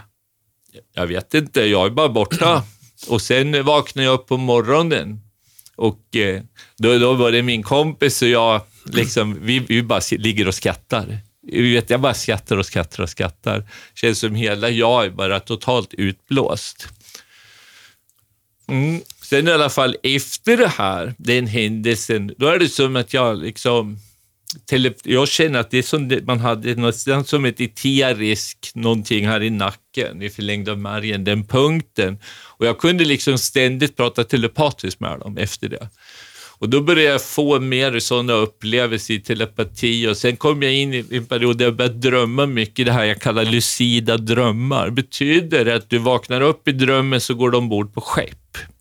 Och du är helt vaken i drömmarna. Jag hade de här drömmarna under många, många år. Ombord på olika skepp och får mycket information. Och ibland när man liksom, vaknar man upp i sängen helt plötsligt så här. Ofta kom man, vaknar man när man gick ur skeppet precis i utsugen. Det var som det var på baksidan, eller under skeppet var det som en magnetisk utsug. Och någonting hände där, då vaknade jag. Och börjar få mycket sån här, vad man kallar astralprojicering, betyder att man lämnar kroppen, går in i sin astralkropp och går ombord på skepp. Och det här pågick under många, många år. Och eh, sen 1996 hände det någonting här på jorden där mycket av det här stängdes av. Alltså de reptiliska krafterna kom till jorden och stängde av det här. För människor generellt är det inte många som har haft de här upplevelserna, jag beskriver det efter 96. Eh, sen efter det, mellan 96 och 2012, ganska lite sådana här upplevelser. Lite, Bara, får bara säga en sak. Du sa till mig igår att eh, vid åldern 27 så är det liksom en startpunkt. ja, ja, Jag tänkte på det hände- när du sa 27. Ja, ja det hände liksom mig när jag var en- 27. Ja. Ja. Det är någonting som ägde Det är rum någonting där. som händer då. Ja. Ja, men sen eh, 2012 började det här komma tillbaks. Och eh, 2012 började jag få mycket så här upplevelser av skepp och astralprojicera in i skepp och de började prata med mig och så här. Och eh, ibland kom jag, jag var ute med min hund så där, bara se skepp och så där och bara stack iväg upp där i skeppen ibland. Kort På, så på här. dagstid bara. Ja, ja. Så kommer tillbaks, min fru brukar säga, du har varit i ett skepp, jag ser det på dig. Hon var enormt synsk min fru sa. Så vi börjar få såna upplevelser och eh, det här låter ju, nu ska jag berätta någonting konstigt här. När jag hade de här... varit icke-konstigt. Tack Johan. Apropå konspirationer så här. Varje gång jag hade de här upplevelserna, då kommer det en svart helikopter ovanför vårt hus. Så den hänger ovanför vårt hus och min fru säger, varje gång du har en upplevelse av UFO så här eller sitter hemma och får de upplevelser så kommer det en svart helikopter inom en kvart. Det är Det hände på riktigt. Ja, det hände på riktigt. Och vi, liksom, vi såg och hörde och gick ut och tittade och så. Det, det hängde där ovanför vårt hus då. Så jag tänkte, äh, jävligt skumt så här. Så jag började bli lite... Och då bor ni mittes... Ja, vi bor mitt i stan så. Och eh, så gick det ju ett tag då, så träffade jag en annan kille. Han bor också i stan. Så han berättade för mig så här från ingenstans. Jag har inte sagt ett ljud, så han bara pratade med mig. Han sa, jag har haft en del ufo-kontakt, säger han. Ja, vad intressant, säger jag. Men det är så konstigt, säger han. Varje gång jag får det så kommer det en svart helikopter ovanför mitt hus. Och då kan man ju undra, hur kan de veta att du får ufo-kontakt? Det är ju en jävligt bra fråga. Alltså hur kan de känna när det blir en connection och varför kommer de in där och försöker bryta av den här Och connection? vilka är det som kommer Ja, med den det tänkte svarta säga. Hur vet man vilka helikoptern? det är som kommer i en svart helikopter? Ja, det är mycket, mycket intressant. Och var är de här svarta helikoptrarna? Liksom, var har de sin landningsbana? Var utgår de ifrån? Hur kan de komma så snabbt? Svar vet ej, men jag vet att det här händer. Liksom. Och jag är helt övertygad om, eftersom min fru och min, den här kompisen berättar samma sak och jag har hört andra människor berätta om det här också. Den här vännen som var med dig vid det här tillfället, hur, Ja. hur, hur ser han på tillvaron idag? Han, han är helt bara stängt av det. Pratar Alltså. jag om det så blir han bara, tycker han det är jättejobbigt. Han vill absolut inte veta om det här. Jag har inte träffat honom nu på några år, men liksom, jag redo. honom från och till efter det, men han liksom ville absolut inte att jag skulle prata om det. Han tyckte det var jättesvårt. Mm. Fast han vet ju att det var sant, men han vill inte veta om det. Jag är lite mer av den här nyfikna människan, då, för jag tänkte då, det här är ingen tillfällighet, det här är ju någonting för mig. De försöker ju tala om någonting för Ja, dig. ja. Initiera dig i Ja, någonting. ja. Och eh, det, det är liksom fortfarande den här kontakten finns. Oj. Och jag har varit med om mycket, mycket märkliga upplevelser med de här. Bland annat att jag åkt bil som de har lyft ovanför marken och sådana här saker. Enormt mycket märkliga upplevelser. Men, men när, när det där händer då? När, du har varit, när bilen blir lyft eller när du kommer upp i skepp, vad händer där uppe? Minns du inte det eller? Man Är det minns borta? liksom, det, det är som att man, man är i astralkroppen och man går där och ser mycket olika varelser och sådär, men det är, som, det, det är någonting som inte är helt klart liksom, för det, det, det går fort och det är någonting som kommer in, men du, du ser olika saker, men annars lägger, ligger man på olika behandlingsbord. Och de här behandlingsborden de ser ut ungefär som du tänker dig kristall fast det är mjukt. Alltså som bergskristall fast det är mjukt. Och du ligger där på det här bordet och någonstans vad de gör då, det är att de sätter på vissa ljus, vissa ljud, vissa frekvenser. De tog alltid in mig i ett sånt rum. Varför gör de sånt här? Precis, fråga. healing, healing. Och vilken typ av healing? Ja, det är healing genom ljus och ljud och eh, eh, vad heter det, Frekvens. olika former, frekvensformer. Kan det här ha att göra med att man försöker uppgradera ja, din ja, själ? Ja, Det är så det är. Så Ja, det är. ja. Och att eh, för att skapa egentligen då, mer ljus på jorden. ja, ja. Det är så jag fattar det som. Jag att du, vi du ska... ska representera en viss vibration. Så mycket om jag sitter här nu och pratar till er eller jag föreläsningar och pratar det, så vissa av de här civilisationerna och deras frekvenser kommuniceras igenom mig. Varför, Alltså just nu har jag kontakt i och med att jag pratar Ja. om det här. Och då kommer det vissa frekvenser från Plejaden, Arcturus och Sirius igenom mig just nu, ut till tittarna. Och det, det är någonstans för att aktivera människors stjärnkoder. Det är en del av det. Och de här stjärnkoderna fungerar så att den uppgraderar vårt DNA, uppgraderar vårt minne. Och det, det är det som jag menar ska komma ut. Så mycket att jag pratar så här till exempel och antar här inbjudan, det är för att jag jobbar för, med olika frekvenser och försöker föra ut vissa frekvenser till människor. Bland annat det här, men även vissa initieringar som jag har gått igenom här på jorden och få ut de energierna. Jag, jag har två snabba frågor. Ja, Är det okej? varsågod. Ja, varsågod. Eh, fråga nummer ett Mm. är att när sådana här saker händer, fysiska saker, Ja. Varför får man aldrig det på film eller bild eller någonting? Varför, är, är, det, är det någon state of mind man hamnar i som gör att man inte tänker? På eller? den här tiden hade du ju inga Nej, mobiltelefoner. jo, jag förstår det, men jag kan tänka mig att det händer folk än idag. Som, som, Ja. Fast, fast det finns ju jättemycket på film, det finns jättemycket bilder, eh, det finns jättemycket människor som vittnar eh, om samma sak. Precis så här som ni gjorde i ert eh, förra podcast, det här med de här Phoenix, Lights, Lights. ja, Alltså det finns ju, Ja. men människor väljer att säga att det inte är sant. Helt enkelt. James Och- och- Gillian det heter en man, vet du vilken det är? Han Jag visar ju träffade, mycket... jag ja. träffade honom i USA. Ja, han visar ju mycket ufos och sådär och har mycket kontakt och folk kan komma dit. Alla som kommer till Ranch I ranchen, ser ju ja. Så det kan man få bekräftat om man vill. Dit kan man ju åka och hyra Ja, in sig och bo ja. utanför Seattle. Ja, om man, skulle vilja, om man själv skulle vilja komma i kontakt med, med aliens, ufos, vad, hur skulle man göra då?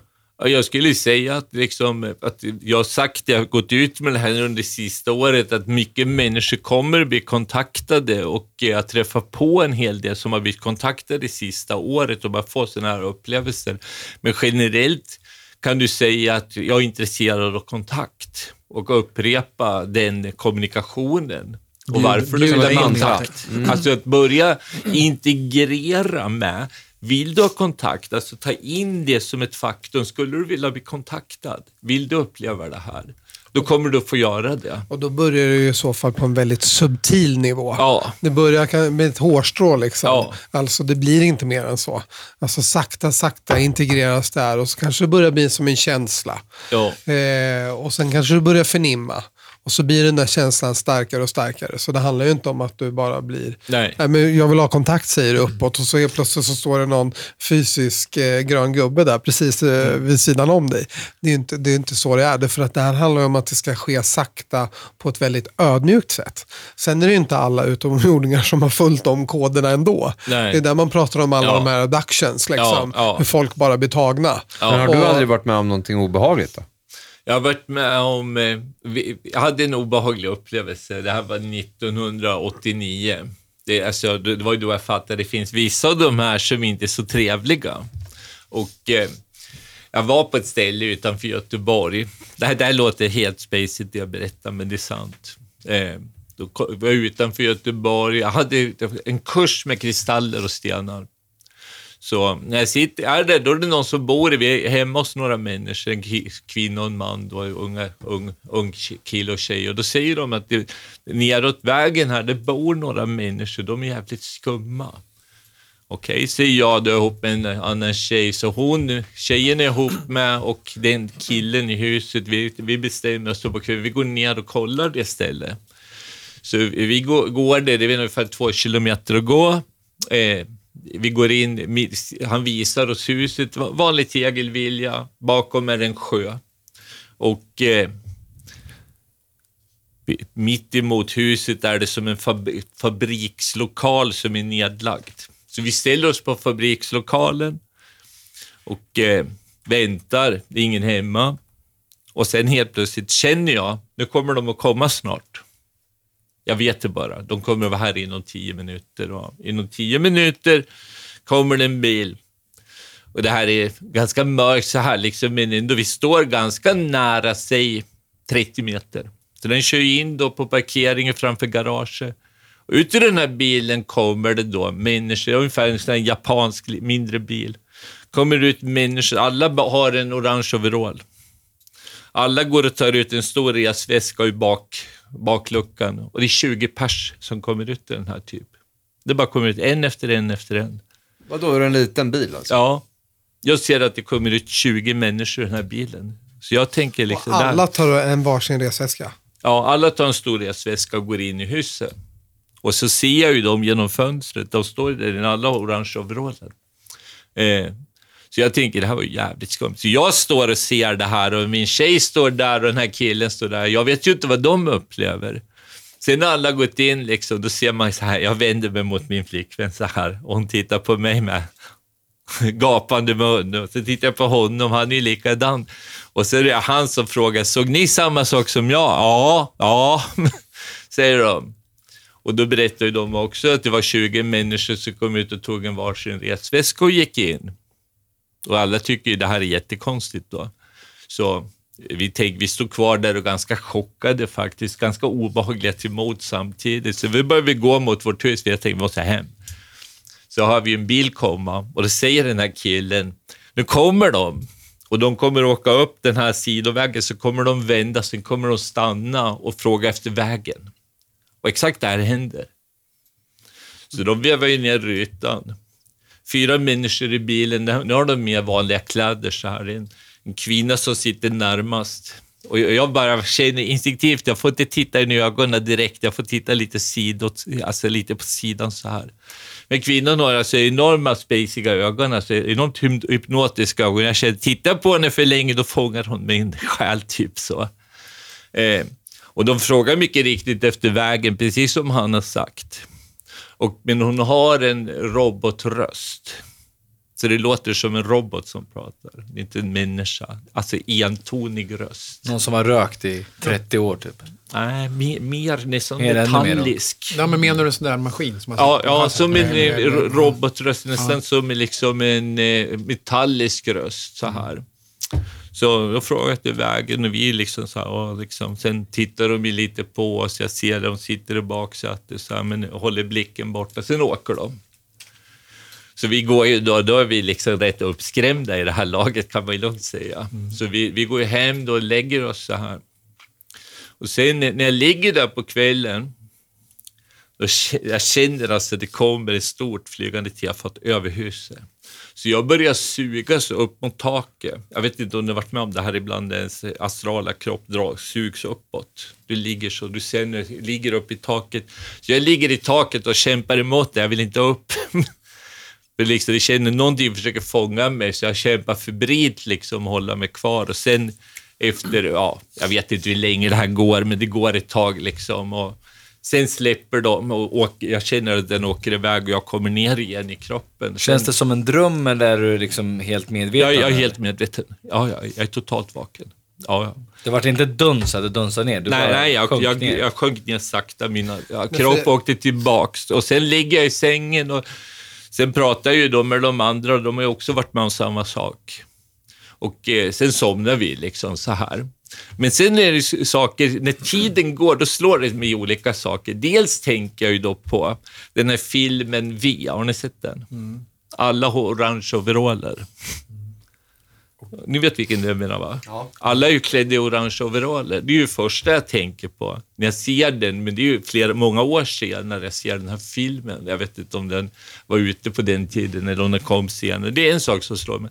Sen läser jag en bok som heter Gåvan från stjärnorna. Är det någon som har läst den? Det är en man som heter, du har läst den? Ja, Lennart Lidfors. Han beskriver i den här boken, han träffar en kvinna som har mycket kontakter och är något sensitiv. Och där berättar de om de här människorna, de med orange overaller. Och den läser jag liksom efter den här upplevelsen, kanske ett år efter det här. Och det tyckte jag också då var jävligt skumt så, att liksom de nämner precis samma sak. Men eh, i deras värld, hon träffar ju mycket konstiga saker, men den här upplevelsen kändes lite, inte så här, och gud vad obehagligt det här var, men det var ändå lite obehagligt. Jag kände det här var inte positivt. Inte nödvändigtvis jättenegativt heller, men känslan när jag tonar på det skulle jag säga att de här människorna eller robotarna eller vad fan det var, jobbar för inom vissa militära eller typ så. De har De någon jordiska. forskning de håller på med. Det det känner jag jättetydligt. För du tänker att det här är utomjordiskt Ja, ja. Ja, och att det inte var jättepositiv ja. utomjordisk Ja, eh, ja. kontakt som jobbade ja, på jorden. Ja. Och sen det här jag sa förut, att jag träffar på mycket reptiliska väsen och vissa av de här gråa väsen och lite obehagliga väsen har jag också gjort. Gråa väsen, är det den här klassiska Ja, de här pratar om? klassiska gråa väsen. De är ganska obehagliga, ganska kall energi skulle jag kalla De har jag stött på. Men Ja. inte liksom... I vilket sammanhang då? Nej, det är att de har kommit in i, i mitt hem så, och någonstans har velat liksom ja, Men skrämma är de, är de mig. eh, biologiskt negativa. tillverkade varelser? skapade biologiska Det är också någon varelser? form av robotenergier. De är inte äkta, det är därför de är så kalla och konstiga. Vi, vi pratade ju i något avsnitt här att, att, Mm. att man är som, eh, man kopplar liksom, att andra entities kopplar upp sig via de här grays Ja, ja. och utför uppgifter. Ja, Fast man, ja. det är som en länk. Ja, ni känner när vi pratar om det att det blir lite kallt va? Mm. Ja, ni känner att det blir ingen bra energi. Nu, nu pratar jag om något obehagligt, det känns Mm. direkt i energin. Så. Så det är därför jag menar det är olika frekvenser. Så här. Men jag har inte stött på det här, liksom, reptiliska väsen har stött på en del så här med, med senare år. Så de, de, håller på att jobba så mycket här på jorden. Får jag- får och jag bara ge avbryta dem en- olika makt. eh, Och Och bara bryta med en sak. För, Ja, för du berättade ju för mig i, igår, Peter, att eh, man ska säga för, för att kanalisera god energi ner. Precis, från play, Plejaderna. Det här kom nu under... Och det var eh, viktigt sa du? Ja det, ja, det är viktigt. Så alla lyssnare kan eh, köra det här i sitt hem, eh, på platser de kommer till och lite överallt helt enkelt för att få ner en mer plejadisk eh, energi. Och det är att säga Eita. Eita. Och så kan du säga det flera gånger. Och bara det om ni säger det tyst här inne eh, i ert huvud. Eita. Och bara känner kanske en känsla. Jag vet inte om det är någon som eh, kan känna på den känslan när ni säger Eita. Vad som händer. Eita, Ja. eita. Någon som känner en upplevelse. Ja, jag, känner ju direkt hur den hela kommer ner. bara reser sig. Eller hur? Ja, ja. Det är exakt ja, det. Ja, ja, jag det Det är lite roligt Det med jag och Johan, det, för vi känner väldigt mycket samma. Jag vet inte hur ni känner. Tänk om jag kunde uppleva allt det ni upplever. Är jag, är jag en låst kille eller? Är det så? Kan det vara? Kan det vara så att, det, att det handlar om en vissa är mer öppna? sakta uppgradering hela tiden. Vi alla är Ja. andliga människor, vi Nej, men du alla andliga öppen, har upplever kontakt. Du är nog inte För jag, öppen. jag, jag kan ju vara helt ärlig och säga, jag kan, ju- jag kan ju vara väldigt öppen så här. Ja. Men jag kan också vara väldigt stängd. Ja. Ena stunden kan jag vara med i matchen, andra stunden tänker jag, "Aj, jag, jag vet inte fan. Men det är för att vi nej, är det i Man är samhället. två, du vet. Man håller på så här. Sakta integrerar du och liksom blir mer och mer ett, så att säga, i ditt sätt att se det. För jag tycker det är så, det är så konstigt ibland, för att jag, jag, är, jag är helt öppen när det gäller liksom just det här med aliens, UFOs och hur stort allting är. Det, det, man är mer delusional ifall man inte tror på det. Ja. Att vi åker runt i en planet 3000 km i timmen, så är vi små människor springande, så ska vi tro att det inte finns någonting mer. Ja. Ja, det är helt eh, befängt. Ja. Ja. men då, sen när vi väl sitter och pratar om sånt där, Mm. då kan, det blir så påtagligt. Så blir det mer så att, okej, UFO där ja. Och sen så åker man upp. Det blir så nära när vi pratar om det. Men känner du frekvenserna när vi pratar om, känner du att atmosfären här inne förändras? Jag, jag kan, jag, att du jag, känns ja. annorlunda. Nu börjar vi prata Absolut. om negativa Ja, men grejer, då absolut. blir det lite Absolut. Jo, men absolut. obehagligt. Det- Innan var det jävligt positiv Jag är energi. väldigt rak och ärlig. Ja. Där måste jag ändå säga att det känner jag. Ja, jag vet Eh, att du sen, känner. Sen, sen är jag, svårt ser att att ta du på, känner. ja, sen är jag svårt att ta på saker som det här annat när vi säger det här. Eita. eita, eita. Då kanske jag bara, va- vad fan händer ingenting för mig? Johan kände, var det någon utav er som kände någonting? Ja, jag upplevde en förnimmelse i kroppen, som att Mm. det är någonting som ställs om. Liksom. Men är det för att du säger det eller är det för att det, det är så?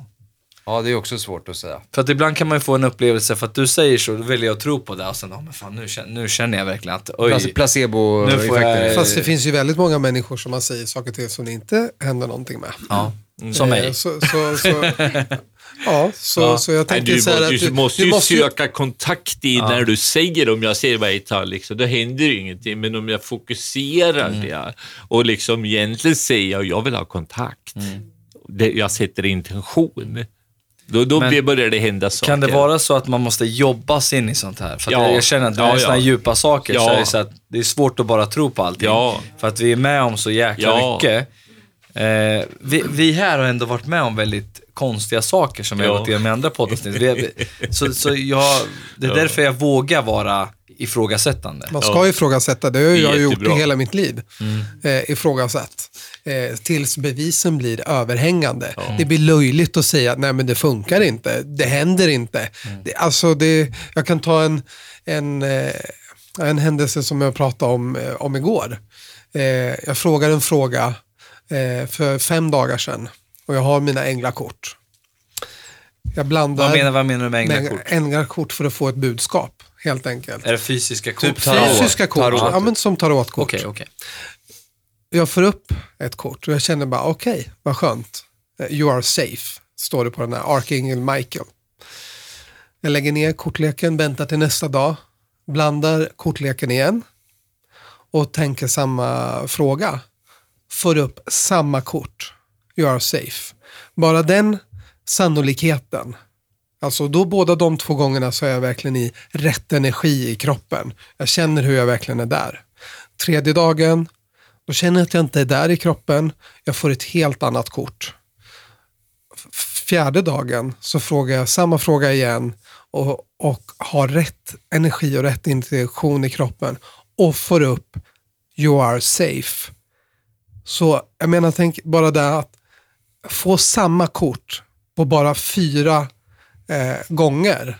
Den, den chansen är ju helt osannolik. Du kan inte, det, det, jag menar, det är en på miljarden att få det. Och det är, vad sa du att det var? 30, hur många kort var det? Nej, 30, jag vet inte. 35 35 kort ja. kanske. Och Sannolikheten är ju väldigt liten att det ska Ja, men bli alltså, Okej om jag blandar den eh, tusen gånger och så drar jag ett kort och blandar igen för att få upp eh, eh, ja, men samma kort. Men här blandar jag bara kortleken en enda gång. Och varje gång, ja, tre av fyra gånger. Men just de gångerna när du är i den här rätta energin så får du upp det här kortet. Sådana här saker betyder ju någonting. Och det handlar ju om att vara i rätt energi. Lite grann så här som Johan eh, pratade om. Alltså när du är där, när du har kontakt med källan, så börjar det hända saker. För att vi är andliga människor. Vi är på en andlig plats. Och vi, någonstans så måste vi börja acceptera det här och förstå att vi är någonting någonting litet av någonting mycket större. Och nu har vi kört den här bilen åt ett visst håll och det har inte funkat bra överhuvudtaget. Därför är det så viktigt att dra i handbromsen och verkligen tänka till. Vad vill jag göra med mitt liv? Hur vill jag att den här världen ska se ut? Hur, vad, vad vill jag känna? Och vad är det som är sant på riktigt? För det här är ju så, så viktigt att man liksom verkligen gör på riktigt. Alltså, det, det Att, man känns ser, som att man ser eh, det stora i det. Ja, för Att att man- det, är lätt, det är lätt att prata om det. Det är Ja. så med allt i livet idag. Du pratar om det, men du kommer inte till handling. Du känner att det är någonting du behöver göra, men du kommer inte till handling. Ja, men hur ska man Det tar göra så- det rent krasst Nej, men då? det känns ju som att det, det, man måste ju... Jag, jag tror inte man klarar av det ibland själv. Jag tror man måste beblanda sig med människor som verkligen gör saken av saken. Du För att annars kommer det. du liksom inte, du blir ju hur, som du umgås. Och, och jag tror att beblanda sig med fel folk så kommer du inte komma till plan B. Eller nästa de, Det är ju- destination. Men precis, det är därför den här spiralen är så nedåtgående. Därför den stora massan just nu gör någonting som inte är bra. Som får oss att inte må bra. Därför behöver vi vet det, stanna till och göra någonting helt annat helt enkelt. Ja, men det, det är så sjukt. Och det, vi vet ju att efter de här poddavsnitten vi släpper så är det alltid folk som också bara, "Nej, men nu, nu, nu, spann, nu, nu försvann ni bort. Nu, nu är ni helt ja. ute Ja, och men- cyklar. men- Sen men det finns det för de också som är öppna, som, som redan har kommit till, till steg två. Det är att okej, jag köper vad de säger. Hmm, jag tar in det jag vill ta in. Jag, jag, jag har inte hört det här förut, men jag lyssnar. De är selektiva. De är sin- selektiva. ja. Och sen, det, det är oftast men de människorna som mår läskigt. bäst också. Det är ju konstigt. Alltså alla de här delarna, eftersom att det inte är fysiskt på ett sätt där vi pratar om. Alltså jag tar mitt glas i handen, där kan jag känna. Helt enkelt. Det här är ju så mycket saker som, som, som är så svåra att ta på. Som bara handlar om en, en känsla eller en upplevelse eh, på ett eller annat sätt. Men när man väl går in i det så börjar man förstå. Mm. Jag tänkte bara säga det här, liksom, för, för du är inne lite på det, man måste ju jobba med båda delarna av sin hjärna. Vi kan ju inte bara vara intuitiva och bara gå och tro på allting. Vi måste också ha ett kritiskt tänkande. För båda de här måste liksom överlappa och vi måste jobba oss till det. Och hur mer alltså, balanserade vi blir med båda hjärnhalvorna, att, att vi liksom mer och mer blir integrerade där man ser att liksom hur verkligheten ser ut, man blir mer seende från en punkt. Men man ska alltid ha en viss kritik. Det är ju inte meningen att folk ska sitta och tro på vad vi säger bara helt liksom utan kritik. Tyvärr är det ju Men så inte, idag. jag menar inte kritik På bara delar. för kritikens skull. Mm. Du vet, ibland är folk bara bla, det tror jag inte Va? Det, det är bara liksom, det är negativt. Men man ska liksom reflektera men ändå ha en viss kritiskt tänkande där man ändå liksom funderar på saker, liksom, man köper det inte bara. Och sakta men säkert kan man säga att de två hjärnhalvorna börjar liksom förstå varandra, förstå tillvaron, förstå världen. Det är ju en lång process vi pratar om. Men det är klart, när du får en massa saker du upplever som är bevis inom situation, du börjar uppleva grejer. Det är klart att jag ser ju vad jag ser. Det är klart att jag måste ju ta vad det jag ser. Och det jag tycker jag också är, som, som när folk när, när USA går ut med att ja, men vi har lagt två, två biljoner dollar på alien attacks. Ja. Förberedelser. Ja. Men det är ingenting vi hör om eller någon som pratar om. Men Nej. vi får, vi får reda på information om vill. Ja. Och sen så går man ut om det. Då tycker folk att, ja, sen går man vidare. Ja, Men sen när man sitter och pratar om, nu har liksom en, ett helt land lagt hur mycket pengar som helst ja, i skydd mot alien attacks. ja. Men man väljer att bara koppla bort det och gå vidare. Ja. Nej, men nu sitter jag på mitt Instagram och ser den här fina maträtten istället. ja, det finns ju överväldigande bevis på aliens. Det gör ju det. Och alltså, hur mycket folk som helst har ju sett aliens och haft sådana här upplevelser mer eller mindre, som där ni pratade från början om Phoenix Light. Då pratade vi om 10 000 människor eller vad det nu var. precis. Enormt många. Och det finns ju enormt högt uppsatta människor inom militär och liksom olika polisväsen och olika människor i alla typer av samhällsklasser som har sett sådana här saker. Så det är inte bara liksom någon diffus grej att folk har sett Bigfoot eller något sånt. Det här är mycket, mycket mer. Och det är faktiskt rätt så vanligt också att är det, är det också de här som är högre uppsatta, de, de kan ju inte bara ställa upp i en intervju och berätta det de har sett. Nej. Det blir oftast 30-40 år senare på Ja. Deathbed Confession, eller Ja. så har de liksom bara... Men, men just det här med aliensen tänker jag att eh, det tänker jag att man måste nästan tro på. Därför jag tycker att det blir eh, jag tycker att det blir konstigt att inte tro på aliens. Alltså för mig är det helt absurt att inte tro på aliens. Är det någonting vi ska tro på så är det ju aliens. Alltså, jag menar, det, vi, det, det, det är en galax med 100 miljarder, eh, vi, vi, eller vi är ett universum menar jag, med 100 miljarder galaxer och varje galax innehåller tusen, eller en miljard stjärnor. Alltså, sannolikheten att det inte skulle finnas inte bara en eller två utan miljontals planeter med intelligent liv på. Den är helt osannolikt att det inte skulle vara så. Och ändå sitter vi här och poddar och vi har på oss kläder, sen kör vi och då, bilen hit. och då det är tänker man ju liksom- så här, varför kontaktar de inte oss? Ja, men det handlar om en process hela tiden. Nu har vi ju kommit längre och längre i vår process. Nu blir det mer tydligt. Därför om de skulle komma för hundra år sedan, det skulle bli masspsykos. Det kommer fortfarande bli jättejobbigt för människor om Det skulle det bli idag med. Ja, det skulle bli jättejobbigt. För många skulle ju verkligen ställa sig och fråga, men oj, vad, vad, vad händer? Det här trodde inte jag på. Det skulle bli konstigt för, för jag tror för mig, mig och Johan med. Jag vet inte vad du skulle... Alltså det är klart att det skulle bli konstigt om det skulle gå massa aliens här. Men sen skulle man ju liksom bli van med det. Helt enkelt. Men i början är det klart att det blir jätte, jättekonstigt. Men vi behöver det. Det har visats jättemycket filmer nu. Det, har, det finns jättemycket bevis. Sen kan inte jag sitta här och säga om det är rätt tid just här och nu.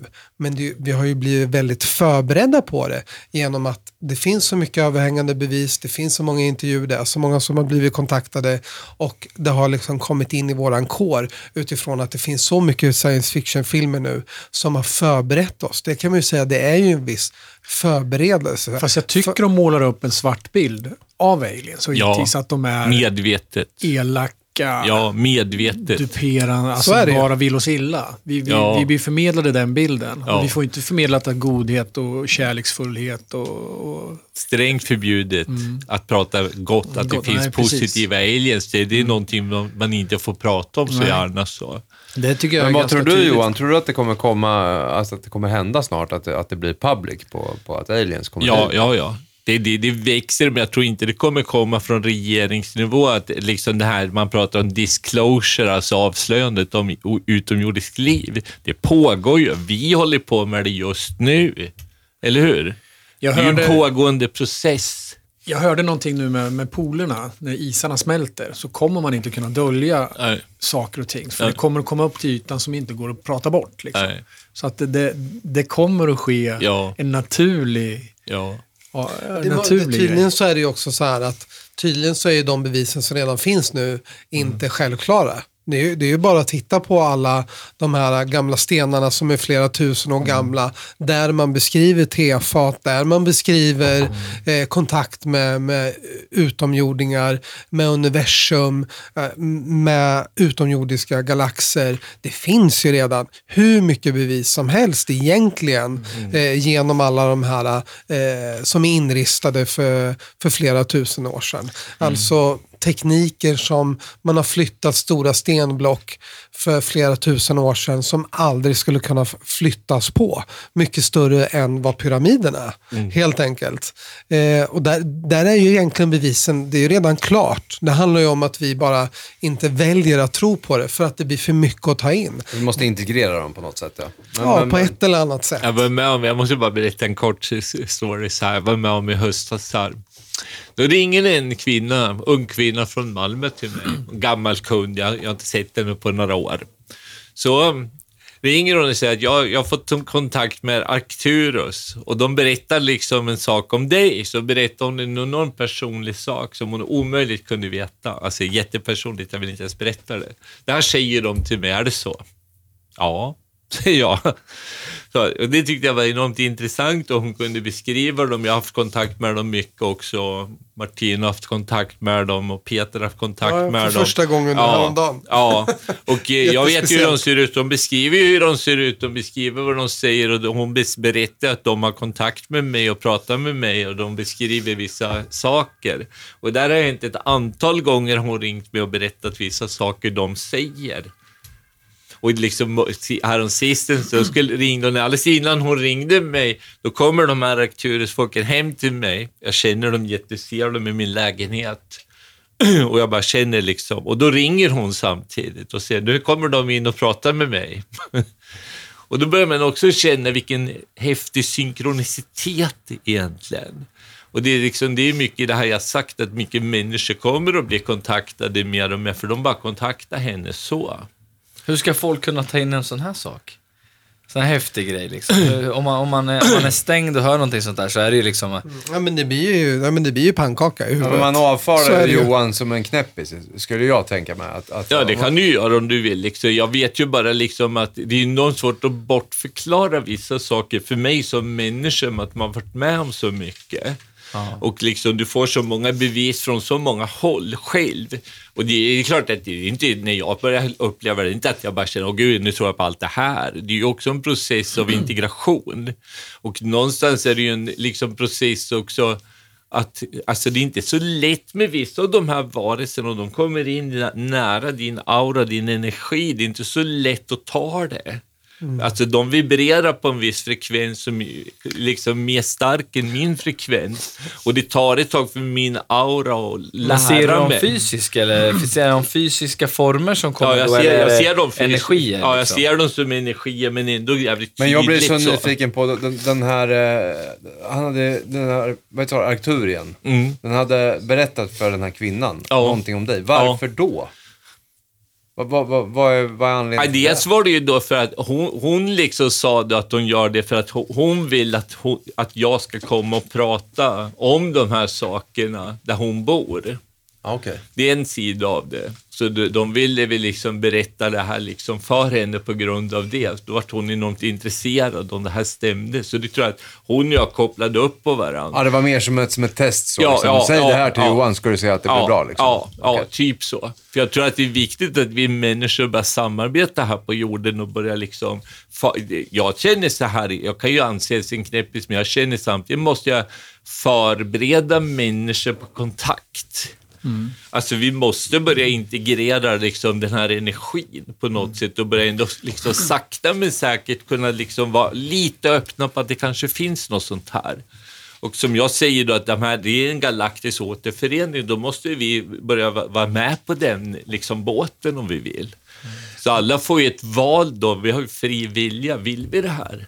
Vill vi ha kontakt? Jag Du, Johan, jag måste bara ta en grej med Ja. dig. Så vi, du nämnde James Gilliland förut. Jag och Robban, som, Rob som inte är här nu då, Mm. vi var, vi var på, ett, på det där Contact in the Desert Ja. som vi pratade om Ja. igår. Ja, Och då hade James Gilliland en, en session där med en stor session. Det var satt kanske hundra pers där och meditera.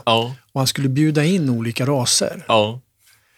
Och vi var ju, vi fattade inte riktigt vad som höll på att hända där. Va? Så Mm. vi, vi försökte sitta där i lugn och ro liksom, och ta in lite så här. Och, och så säger James Gilliland så här. eh, jag har pratat om det här förut i en tidigare podd. And uh, now we, I can see the Pleiadian ship are coming in and we are welcoming them. Så där säger han. Ja. Welcome. Och oh, now, now the Arcturian ship is coming. Please be welcome. Så där liksom. Och vi satt och tittade så här liksom. Ser folk någonting liksom? Och helt plötsligt så bara, när vi satt där, då, då sprayar de också några, do, några dofter, frankincense och Ja, sånt där, för ja. att liksom förhöja nivån eh, i meditationen. Och sen helt plötsligt så poppar upp ansikten framför oss. Både för Rob och mig, ungefär samtidigt. Bara, Ja. så här Ja. nära liksom. Så Och så försvann. Men, men det, det jag funderar på, vad, vad var det som hände där egentligen? Såg människor, slå, såg James Gilliland, såg han frekvenser av ljus? Eller vad, jag fattar inte riktigt vad som hände där. egentligen. Eller var det något lurt i lukterna som ni fick? Nej. Nej, nej, han ser helt enkelt i liksom nästa dimension att de har kommit, för mycket av de här skeppen som jag sa, de, de ligger ju lite i fjärde dimensionen. Ibland pluppar de in i den här dimensionen, fram och tillbaks. För jag tror vi Så låg mycket liksom... av de här du vet som chemtrails, det är för att man ska kunna se när de går igenom dimensionerna. Det är därför man sprutar mycket chemtrails. Det är en liksom, sida av det här med chemtrails, alltså de här Ja. Spännande Freddan, fick du den? Vi pratade Ja, lite om det här om innan. det idag lite. Ja, för det går igenom, då ser man det. Liksom. Den här aluminiumoxiden Mm. Det gör att det syns så att säga när de kommer igenom. Det är ett Mm. sätt liksom, varför man använder chemtrails. Men vilken dimension är vi? Är vi i tredje? vi är i tredje dimensionen. Men han ser in i nästa dimension och då ser han att nu kommer de, precis som jag kan förnimma dem nu när jag sitter där, jag kan ju förnimma dem. Jag i tror en att vi, satt ju dimension. där och vi, vi var inte så... Vi är dåliga på De, att de meditera. projicerar, alltså från skepp, de projicerar sina ansikten och så vidare till dig. Det är så man ser ibland när du sitter och blundar, då ser du ansikten komma För, vet framför ni, vet dig. ni hur jag såg? Ja. Det tror jag jag pratade med dig om också. Jag såg, eh, som i den här filmen Time, eh, vad heter den där? Han reser i tiden. Time Machine. Ja, ja, De där jord... De som lever i framtiden i jorden. ja, Så jordansikten kom fram så, ja. ja. Men vad, sig. men vad, vad har chemtrails med det att göra? Alltså, jag förstår inte. Nej, men chemtrails, du sprutar ju dem i över atmosfären och Mm. när skeppen skulle gå mellan den fjärde, fjärde dimensionen förlåt, och den tredje dimensionen, då ser man när de går igenom. Då kan du mäta det. Det är därför liksom, och någonstans skickar man ut liksom flygvapen och olika grejer och frekvenser för att ta bort det. Det är därför man använder chemtrails. En del av det. Det andra kan jag inte säga för 100% vad det beror på, men det är en del av det som är enormt viktig. Inte många människor känner till det.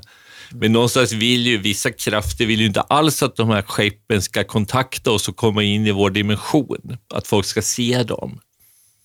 Och det tror jag är enormt viktigt det här. Handlar chemtrails också om att man kanske ändrar DNA i människan också? Att man vill twista lite på något sätt? Ja, det är ju en form av nanopartiklar de liksom sprutar. Det gäller ju att få ut dem, men det är därför människor måste renas och rensa sina kroppar mycket, för de här nanopartiklarna och aluminiumoxiden kommer in. Det är därför mycket folk, alltså som Alzheimers har ju ökat extremt mycket på grund av det här. Det är ju en aluminiumförgiftning, Alzheimers egentligen. Men du, tack för lite förklaring där. För det där har jag gått och funderat på. Det där. Vad, vad var det som hände? Både Robban och jag, vi bara, Ja. vad är det som händer här? Ja. Men skulle det vara möjligt att, att eh, få till det, en sån grej nu? Men- Har du, har du en sån pass vass kontakt så du skulle kunna liksom bjuda in här? Och sen skulle Nej, jag kan, inte mer än det som hände här förut. Så här, det, det kom ju in vissa energier här i- liksom bakom henne här. De stod ju bakom henne här förut. Och det är den typen av connection. Och Jag märker ibland när jag har föreläsningar kommer de in i lokalen och så. Och ibland kommer alltså skeppen skicka vissa frekvenser ner i lokalen. Men det är ingenting jag kan styra. Så, liksom. Det det, det skulle du- eventuellt kunna hända, men det är inte liksom tack vare mig så. Är det någonting du ser eller är det någonting du förnimmar? Känner du det? Eller, Jag, eller jag ser känner det, jag ser det, jag förnimmer det, jag får nedladdningar. Så det är på många nivåer. Så nu förutsåg jag att det står någon bakom Martina där. Okej. Ja. Är det en skugga eller är det... Ja, det är ju en viss eh, form av energi kan man säga. De här varelserna, de ser lite eh, speciella ut kan man säga. Ja. Plejadmänniskorna ser ju mycket mer ut som oss. Men de här Arcturus, de ser lite märkliga ut. Eh, jag, ska säga, jag kan inte riktigt förklara hur de ser ut. För, för det, det ligger utanför min föreställningsförmåga. Jag ser att de är blåfärgade och så vidare. Och de har vissa ögon, de är inte speciellt långa. Det- Som det- hon beskrev dem, för de var hemma hos henne då, liksom för, sa till henne när hon kom ut och skulle på toaletten var på natten och sa det vi har besök, säger jag. Så går hon dit och ställer sig mitt i rummet och sen börjar hon förklara exakt hur de ser ut. Hon står precis i dem då och då tänkte jag det här var ju en häftig bekräftelse på att de ser ut som jag ser dem. Det jag kände nu när jag fick eh, kontakt med dem första Ja. gången, det, det jag kände det var som att de sprakade i energin. Mm, Jag tror det är därför det är svårt att se hur de ser ut. Därför jag Ja. kände att de inte hade en fast form. Nej. Det var som att det hoppade liksom. Ja, ja. Berätta Så- om som det då Peter, vad var det eh, som hände? Eh, nej men jag eh, hade Johan i telefon Mm. och så kände jag i rummet hur hela energin bara ändrades. Och det var häromdagen. Ja. Och du har ju pratat om de här i flera Ja, år ja. och jag har aldrig känt någonting. Jag har känt pleja- plejaderna men de här akturerna har jag inte alls känt. Mm. Och så kände jag bara hur energin ändrades i rummet. Och så frågar jag, känner du vad som händer? Och då säger du, ja jag vet vad som händer. Mm. Akturerna är nära dig just nu. Och det var precis det jag kände. Mm. Eh, och eh, känner hur de är ganska korta, Ja. de är inte långa alls. Eh, jag kände att de var ga- ganska mörka i energin, inte negativt men, men mörka och det kändes väldigt obehagligt för att det var en helt annan typ av energi Mm. som jag aldrig har känt förut. Jag har ju känt mycket av andeväsen, Mm. de från andra sidan, änglar, guider, plejaderna, men det här var någonting helt annat. Mm. Och precis som du sa, det vart nästan lite jobbigt med den här energin. Och blir det för jobbigt då får man ju säga att de ska gå, Mm. Ja, ja. helt enkelt. Men, Alltså det är svårt att koppla upp det- dina aura, det är alltså frekvensen de har är för, för hög eller för annorlunda. Ja, fan, ja, så din precis. aura slår lite grann. Men sen när du lär dig liksom lär känna dem lite, då börjar du kunna ta dem att det är inga problem längre. Men Mm. det tar ett tag. Men de är enormt duktiga healers och så. De så här de liksom. kom ju att börja hila mitt knä helt enkelt. Ja, men det är liksom, när jag Eh, pratar med dig, nu känner jag de, de, de är ju närvarande och går in i våra huvuden, i Mm. våra tredje öga och vår kronchakra. Det känner jag jättetydligt. Jag ser att du känner också. Ja, jag gör det. jag vill inte säga någonting just nu. Ja, nej, men jag Jo, ser men jag ju hur de ju håller det. på i honom här. Ja. Mm. Jag ser ju det, att de skickar ju frekvenser ner i hans huvud. Fast de är inte bredvid oss nu. Nej, nej, det, för, de det, är det, för, det, för den energin känner jag inte Nej, alls. nej, de Gör är de det på någon annan här inne också? Ja, de, de är ju på oss allihopa här mer eller mindre. Och så går de in lite i nacken på oss så här liksom. Men, Men det det är alltså bli- att du, du kopplar upp den här punkten i nacken, har ihop med den punkten. Här har du som en bro, alltså i nacken, har du en bro upp till de här högre chakrorna. Sen har du sex chakror runt så här och en sjunde här, det är som kronan. Kan, kan, någon, kan någon där ute relatera till olika saker som händer? Säg att det är nu folk som är väldigt ovetande av just det här. Och efter Om du idag, känns de det kan de känna, och- de som lyssnar på oss kan få connection genom att vi pratar om det här. Och sen är det ju... Ja, vi aktiverar Vad vad kan de känna då? då? Ja, de Eh, kan känna subtila liksom, energier i sina chakran, kanske att de ryser, att de, de känner saker i kroppen och så vidare. Och att efter de har lyssnat på det här kanske de börjar uppleva vissa synkroniciteter, Eh, det kan bli liksom tungt. uppleva vissa drömmar och så vidare. kan bli tungt där i hjärtchakrat. För det är så jag känner att det kan bli liksom tungt. Eh, solarplexus i hjärtat. Det är så jag känner att den här energin, den liksom går väldigt mycket på hjärt och solarplexchakrat. Och det är då man får säga, tycker man att det blir för mycket, då får man säga, nej men eh, jag vill att ni går. Eh, Hur känns det då? då? Hur känns det? Alltså, ja, det känns som att det blir tryck, helt enkelt. Jag måste bara säga en sak. Jag, jag satt här förut, för om vi backar tio minuter så hade jag väldigt ont i magen. Och det bara tryckte på, på, på solarplexus. Ja, vad säger vi? Ska vi göra en liten recap på det här nu? Hur ska vi kunna göra det? Ja, jag vet inte, vi har pratat om allt idag. Jag, jag, jag, det är som alltid, jag minns inte, vad var det vi började med? Det- Alltid i slutet tänker man, fan vi körde Han, fem han frågor där. började, Så. Lars här. Och de här fem frågorna började han med. Men vi har ju pratat om hur viktig astrologin är i våra liv och hur, hur mycket det betyder för alla. Som vi ändå lever med idag, fast man glömmer bort det. Ja. Och det är, det är den största delen tycker jag, att vad mycket vi använder idag som vi inte pratar om, som vi egentligen går efter hela tiden, men vi Ja, glömmer bort. exakt det är så det är. Mm. Och då skulle jag vilja nu på slutet eh, kanske göra lite reklam igen då för den här eh, kursen. Och det är en ettårskurs och det börjar med ett halvår i taget. Och den börjar nu under hösten i september. Och vem ska gå på den här kursen då? Vem, vem är uppmanad? Liksom, vad ska man känna nu när man, jag måste anmäla mig till den här kursen? Jag tycker Björn till exempel här ska gå. Han passar Jag väldigt tycker bra. också Björn ska gå. Efter jag såg hans horoskop. Jag tycker.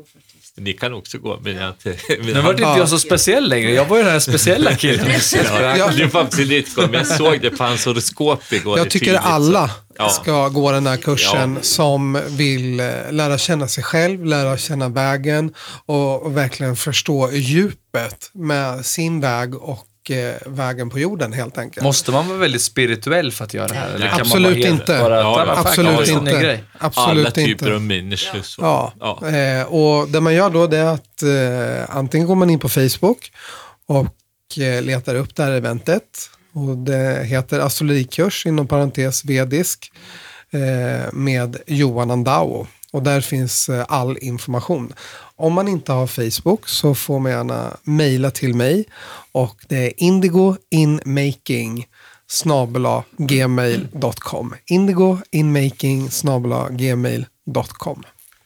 Det vore verkligen kul också att se om vi får, om det nu är några som kommer gå med i den här kursen, det tror jag säkert det kommer vara efter idag, eh, så skulle det vara häftigt att se hur de upplever det här sen om ett år. Och då har vi Var också att man, någonstans. man får ju komma och träffa då Johan i maj eh, på en central plats här i Örebro. När när som kommer inte är den? Den Stämmer. 18 maj, men, men platsen är inte helt bestämd än.